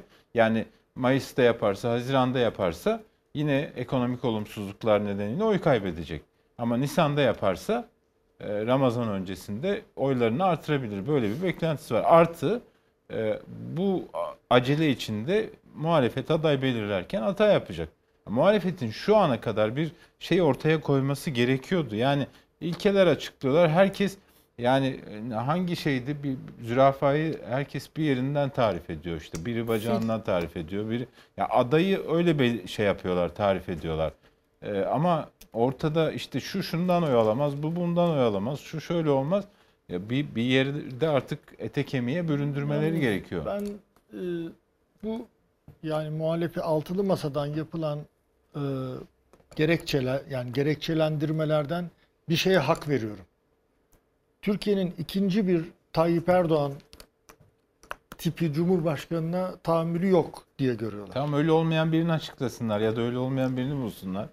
ya bu üç aday, şu anda üç aday geçiyor Ama- Murat. Ben ama- sana sorayım. Hı. Dört Ekrem aday var. İmamoğlu, Mansur Yavaş, Kemal Kılıçdaroğlu. Meral Bunların Akşener'i dışında... hafife atma. Meral Akşener. Şimdi Meral Akşener Uğur Poyraz şey dedi. Yeniden gözden geçirsin Ya, dedi. O da kapıyı kapattı. hiç belli olmaz, Öyle hiç mi? belli olmaz. Siyasette Hadi o dört kapılar diyelim. açılır. Tamam. Deniz'i dinleyelim. Dört diyelim. Bu dördün dışında bir aday olma ihtimali var mı? Anlaşamazlarsa olur. Dışarıdan. Evet. Yani o masada hani iki gün içinde açıklarız Ben- diyor ya. Ben öyle bir Yok yok ihtimali yani kriz görmüyorum. çıkarsa şimdi düşünün Görmüyorum. Kemal Kılıçdaroğlu aday olmak istedi. Meral Akşener reddetti. Bu bunu Kemal Kılıçdaroğlu kabul eder mi? Arkadaşlar şimdi bir yandan da bir yandan da diyorlar ki buradan tek aday çıkacak. O masayı dağıtmaya hiçbirinin gücü yetmez. Bak açık söylüyorum. Tamam. Sokağa çıkamazlar. Ben de onu diyorum işte. O masayı dağıtırlarsa sen olacağım ben olacağım diye sokağa çıkamaz hiçbiri. Tamam aynı şeyi söylüyorum. Yani E, anlaşamazlarsa o, yüzden o kadar şimdi bu buradan bir müzakere pozisyonu koyuyorlar ortaya hepsi. Tamam mı? O masadan çıkacak aday ya da bu dört isimden birinden çıkacak. Tamam mı? Başka türlü zor. Çünkü geçmişte bir Ekmelettin İhsanoğlu örneği var dışarıdan. Yani e, ben biraz daha beklenebileceğini Çiğdem, düşünüyorum. Şu yol haritası sen belli dedin ama yol haritasını daha ilan etmediler. Ya ama Kem- ne yapılacağı 3 aşağı 5 yukarı biliniyor. Kemal Kılıçdaroğlu'nun adaylığı konusunda sen altılı masanın rengini nasıl yorumluyorsun? Yani şu andaki altılı masanın tavırlarını tek tek ele alırsak nasıl görüyorsun? Soruna direkt cevap vermeden önce şunu Olur, şu- tamam. şunu, şunu söylemek Söyle. istiyorum. Ben de e, altılı masanın e, bir aday isminden önce bir ilkeler manzumesi netleştirip olgunlaştırmasını daha daha doğru olduğunu düşünüyorum. sen öyle Düşünenler derim. Anladım. Evet. Yani önce o yol haritası netleşsin. İlkeler manzumesi kesin olarak belli olsun ki bir manuel bir rehber olsun elde belirlenecek aday o rehberi kullanabilsin. Hı hı. Bu bu görünür sebebi. Bir de e, karşıdaki rakip açısından bunun nasıl kullanılacağına ilişkin bir takım kaygılar olabilir. Bir de bir şey ekleyebilir miyim? Anayasa hukukçusu Doktor Murat Sevinç'ten mesaj okumak çok adetim değildir ama kendisi iyi bir anayasa hukukçusu. E, bir laik devlette herhangi bir inancı referans alan düzenleme yapılamaz. Çok net koymuş. Bizim söylediğimize benzer. Evet. E, çok net özetlemiş tabii. Aslında bizim söylediğimizi Aslında hocamız onaylamış. Hocamız evet hocamız berraklaştırmış öyle söyleyeyim. Laik devlette herhangi bir inancı referans alan düzenleme Evet. yapılamaz. Mutlaka reddedilmeli. Öteki konuda da Cumhurbaşkanı meclisi feshederse kendisi aday olamaz. Adaletin tek yolu meclisin erken seçim kararı alması. Evet. Bu da daha tartışılacak. Gelelim e, altılı masada Kemal Bey'in adaylığı konusundaki rengini nasıl yorumluyorsun? Ben altılı de şöyle altılı masayı homojen bulmadığım için bir tane renk olduğunu da düşünmüyorum. Yani altılı masanın Cumhuriyet Halk Partisi dışında beş bileşeni daha var. Ee, farklı görüşler olabilir. Hiç Hala o renkler bir e, birisi e, konusunda örneğin Kılıçdaroğlu'nun adaylığı konusunda yan yana geliyor mu yoksa hepsi parça parça mı? Aday belirleme konusunda. Mesela atıyorum e, işte Temel Karamollaoğlu, e, Gültekin Bey evet onaylar. E, Davutoğlu onaylar. Fakat Babacan'la Meral Akşener e, biraz bu konuda e, bekler gibi bir şey diyebiliyor musun? yok diyemiyorum. Diyemiyorsun. Diyemiyorum, Siz- sen dedin işte Doğan Şen. Evet, sen dedin zaten. Evet. Benim dediğim doğru mu? E, Bence öyle görünüyor herhalde. Bilmiyorum. Sen Meral Hanım ama? Meral Hanım herhalde son dönemde belki biraz daha Kemal Bey kazanabilir belki diye düşünüyor diyorlar. Bir de şöyle Ee, bir şey var galiba. Yani e, iktidarın olası değişmesiyle birlikte e, çok fazla şey devredilecek Doğru. aslında. Yani yönetilecek olan şey çok büyük. Çok doğru. Çok büyük. Yani kadrolar açısından, ekipler açısından, mali büyüklükler açısından ne demek istiyorum? Bu bunun e, farklı pazarlıklara yol açması da belki tabiidir. Hmm. Çok güzel dediniz. Süreç yani içinde. şey mi acaba bakanlık pazarlığı? Hani kim, Birçok kime kadro- kaç bakanlık verirse Evet. onun adaylığı. Zannetmiyorum ya. Yo, ben yo. zannediyorum. O- o- Pazarlık onların değil, bir parçasıdır. pazarlık değil de işbirliği diyordu Ali Babacan yani. Yani ben zannediyorum. Hayır bir de şey de şimdi bu altı e, parti genel başkanı ne oluyor? Cumhurbaşkanı yardımcısı mı oluyor? Olurlarsa milletvekili olacaklar mı? Seçime girmeyecekler mi? Girerlerse il- vekillikten Şimdi bir istifa şey edip mi söyleyeyim mi? genel Bu, bu Cumhurbaşkanı yardımcısı olacak? Ne eğer olacak? hani ola ki kazanırlarsa bu e, sorun yani milletvekili olup olmama sorunu ayrıntıda kalır. Çünkü meclis çoğunluğunu ele geçirirlerse bir tane iç tüzük değişikliğine bakar. Derler ki parti başkanları da meclis gruplarının başkanı sayılır, biter gider. Ya zaten Bu kadar sorarken yani. aklıma şu geldi. Ya şu anda zaten hakikaten yani ben vatandaş olarak oralarda değiliz abi. Çok basic şeylerdeyiz. Yani du- insanlar durduk yere hapse atılmasın. E, Şeriat gelmesin. Fantastik ekonomi teorileri denen yani buradayız gerçekten. hani diğer detaylar Evet. bir iki bek- bakan mı oldu, bir iki bilmem ne mi oldu detay kalıyor. Şimdi tabii süremizin yavaş yavaş sonuna İsabet geliyoruz. buyurdunuz. Biz gazetecilerin e, ortak bir sorununu buradan dile getirelim. İzleyicilerimiz de bunu bilsin. Şimdi Türkiye Gazeteciler Cemiyeti muhabir, foto muhabiri, kameraman, editörler e, il- ilkeli ve e, itibarlı bir meslek örgütü. E, bizim bir basın müzemiz var. E, Bağbali'de Türkiye Gazeteciler Cemiyeti'nin bir müzesi var. Bu müzede Uğur Mumcu'nun daktilosu da orada. Abdi İpekçi'nin işte o suikast sırasındaki kırılan kalemi de orada. Ee, Yaşar Kemal'in e, bir takım şeyleri de orada. Dolayısıyla bütün bunlar e, aslında 1984 yılında e, İstanbul Büyükşehir Belediyesi'ne ait bir binayı Gazeteciler Cemiyeti alıp onardı. E, bu harap haldeki bina aslında Abdülhamit'in sansür binası olarak da hizmet veren bir binaydı. Bağbali'de. Aslında anlamlı da yani orayı alıp basın müzesi haline getirmek. Aynı zamanda gazetelerin arşivleri de orada. Fakat gelin görün ki bina ile ilgili çok ciddi e, sıkıntılar var. E, İstanbul Büyükşehir Belediyesi, önceki İstanbul Büyükşehir Belediyesi e, binayı tahliye etmeye çalıştı Kadir Topbaş döneminde ve buna direnildi. Biz de ben de Gazeteciler Cemiyeti'nin yönetim kurulundayım. E, başkanımız Turgay Olcaytu e, başkanlığında buna direndik. Aslında bütün gazeteciler yani hepimizin e, Ben de bunu- üyeyim yani. Evet Ben de hepimiz üyeyiz. Ve şimdi tabii bu gelen e, yeni yönetimden umutluyduk. Hani bize bu konuda yardımcı olacağını düşünüyorduk. E, fakat olmadı. Yani e, burada da bir sonuç alınamıyor maalesef. Bunu buradan e, duyurmak Binaya mı istiyorlar? Şimdi İstanbul Büyükşehir Belediyesi şu anki yönetimi kayıtsız kalıyor bizim taleplerimize. Çünkü depreme dayanıklılığı kalmadı. Binanın onarılması gerekiyor. Güçlendirilmesi Güçlendirilmesi gerekiyor. Fakat bunu işte Genel Sekreterimiz Sibel Güneş yönetim kurulu adına açıklamalarda yaptı. Ee, bize özensiz bir e, şey var, da- tavır var. Ee, başka bir yerlerde e, alakasız yerlerde adres göstermeler, Beylikdüzü'nde, Yedikule'de vesaire. Halbuki bunun Tabii, merkezi olması ve merkezi olması yönünde. Gelebilmesi lazım. Merkezin ötesinde ya burada Bağbali ya, adı bu.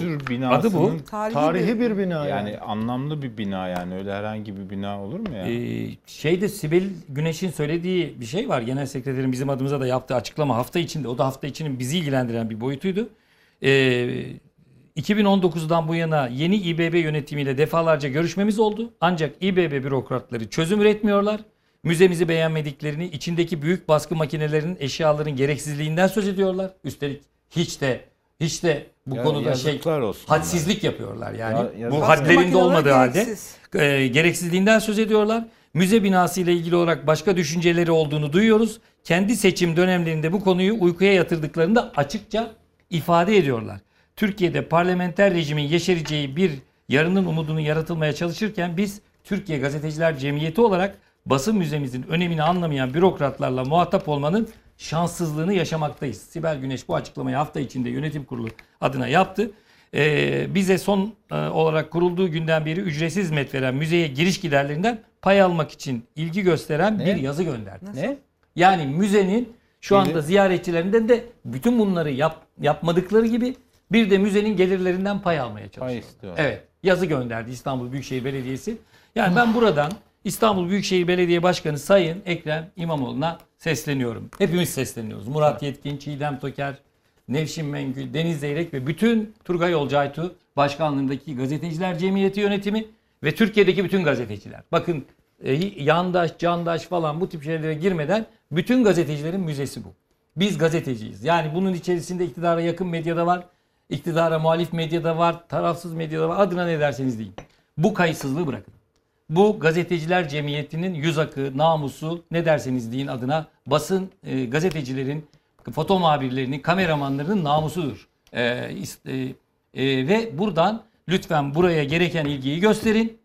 Farklı şeyler, farklı muameleler, uykuya yatırma falan yapmayın. Çünkü biz bütün gazeteciler olarak e, basın camiasını ayağa kaldırırız ve bunun da takipçiliğini yaparız. Çünkü bu bizim meselemiz. Bu bizim meselemiz. Gazetecilerin meselesi Ve orada dediğim gibi Abdi İpekçi'nin kırınan kalemi de var. Orada Uğur Mumcu'nun daktilosu da var. Orada meslek büyüklerimize ait pek çok değer var. Ve biz bu değerleri nasıl ki Cumhuriyet'in değerlerini koruyorsak bu değerleri de koruruz. Bunu da buradan bildirelim. Ee, bizi bu saate kadar e, izlediniz. Deniz e, ne çizdin? Klasik e, şeyle alalım. Ben o Evet. günün öznesi olan o Evet. Söylemeye gerek yok. kadar enerjiye. Evet. tarif Yani- edemediğim Vah. mahlukatı. Evet. Tabii tabii. Aynen öyle. Tarih adını anmayacağımız. Ee, bizi bu saate kadar izlediniz, sabrettiniz. Haftaya tekrar kavuşmak dileğiyle. Hoşçakalın.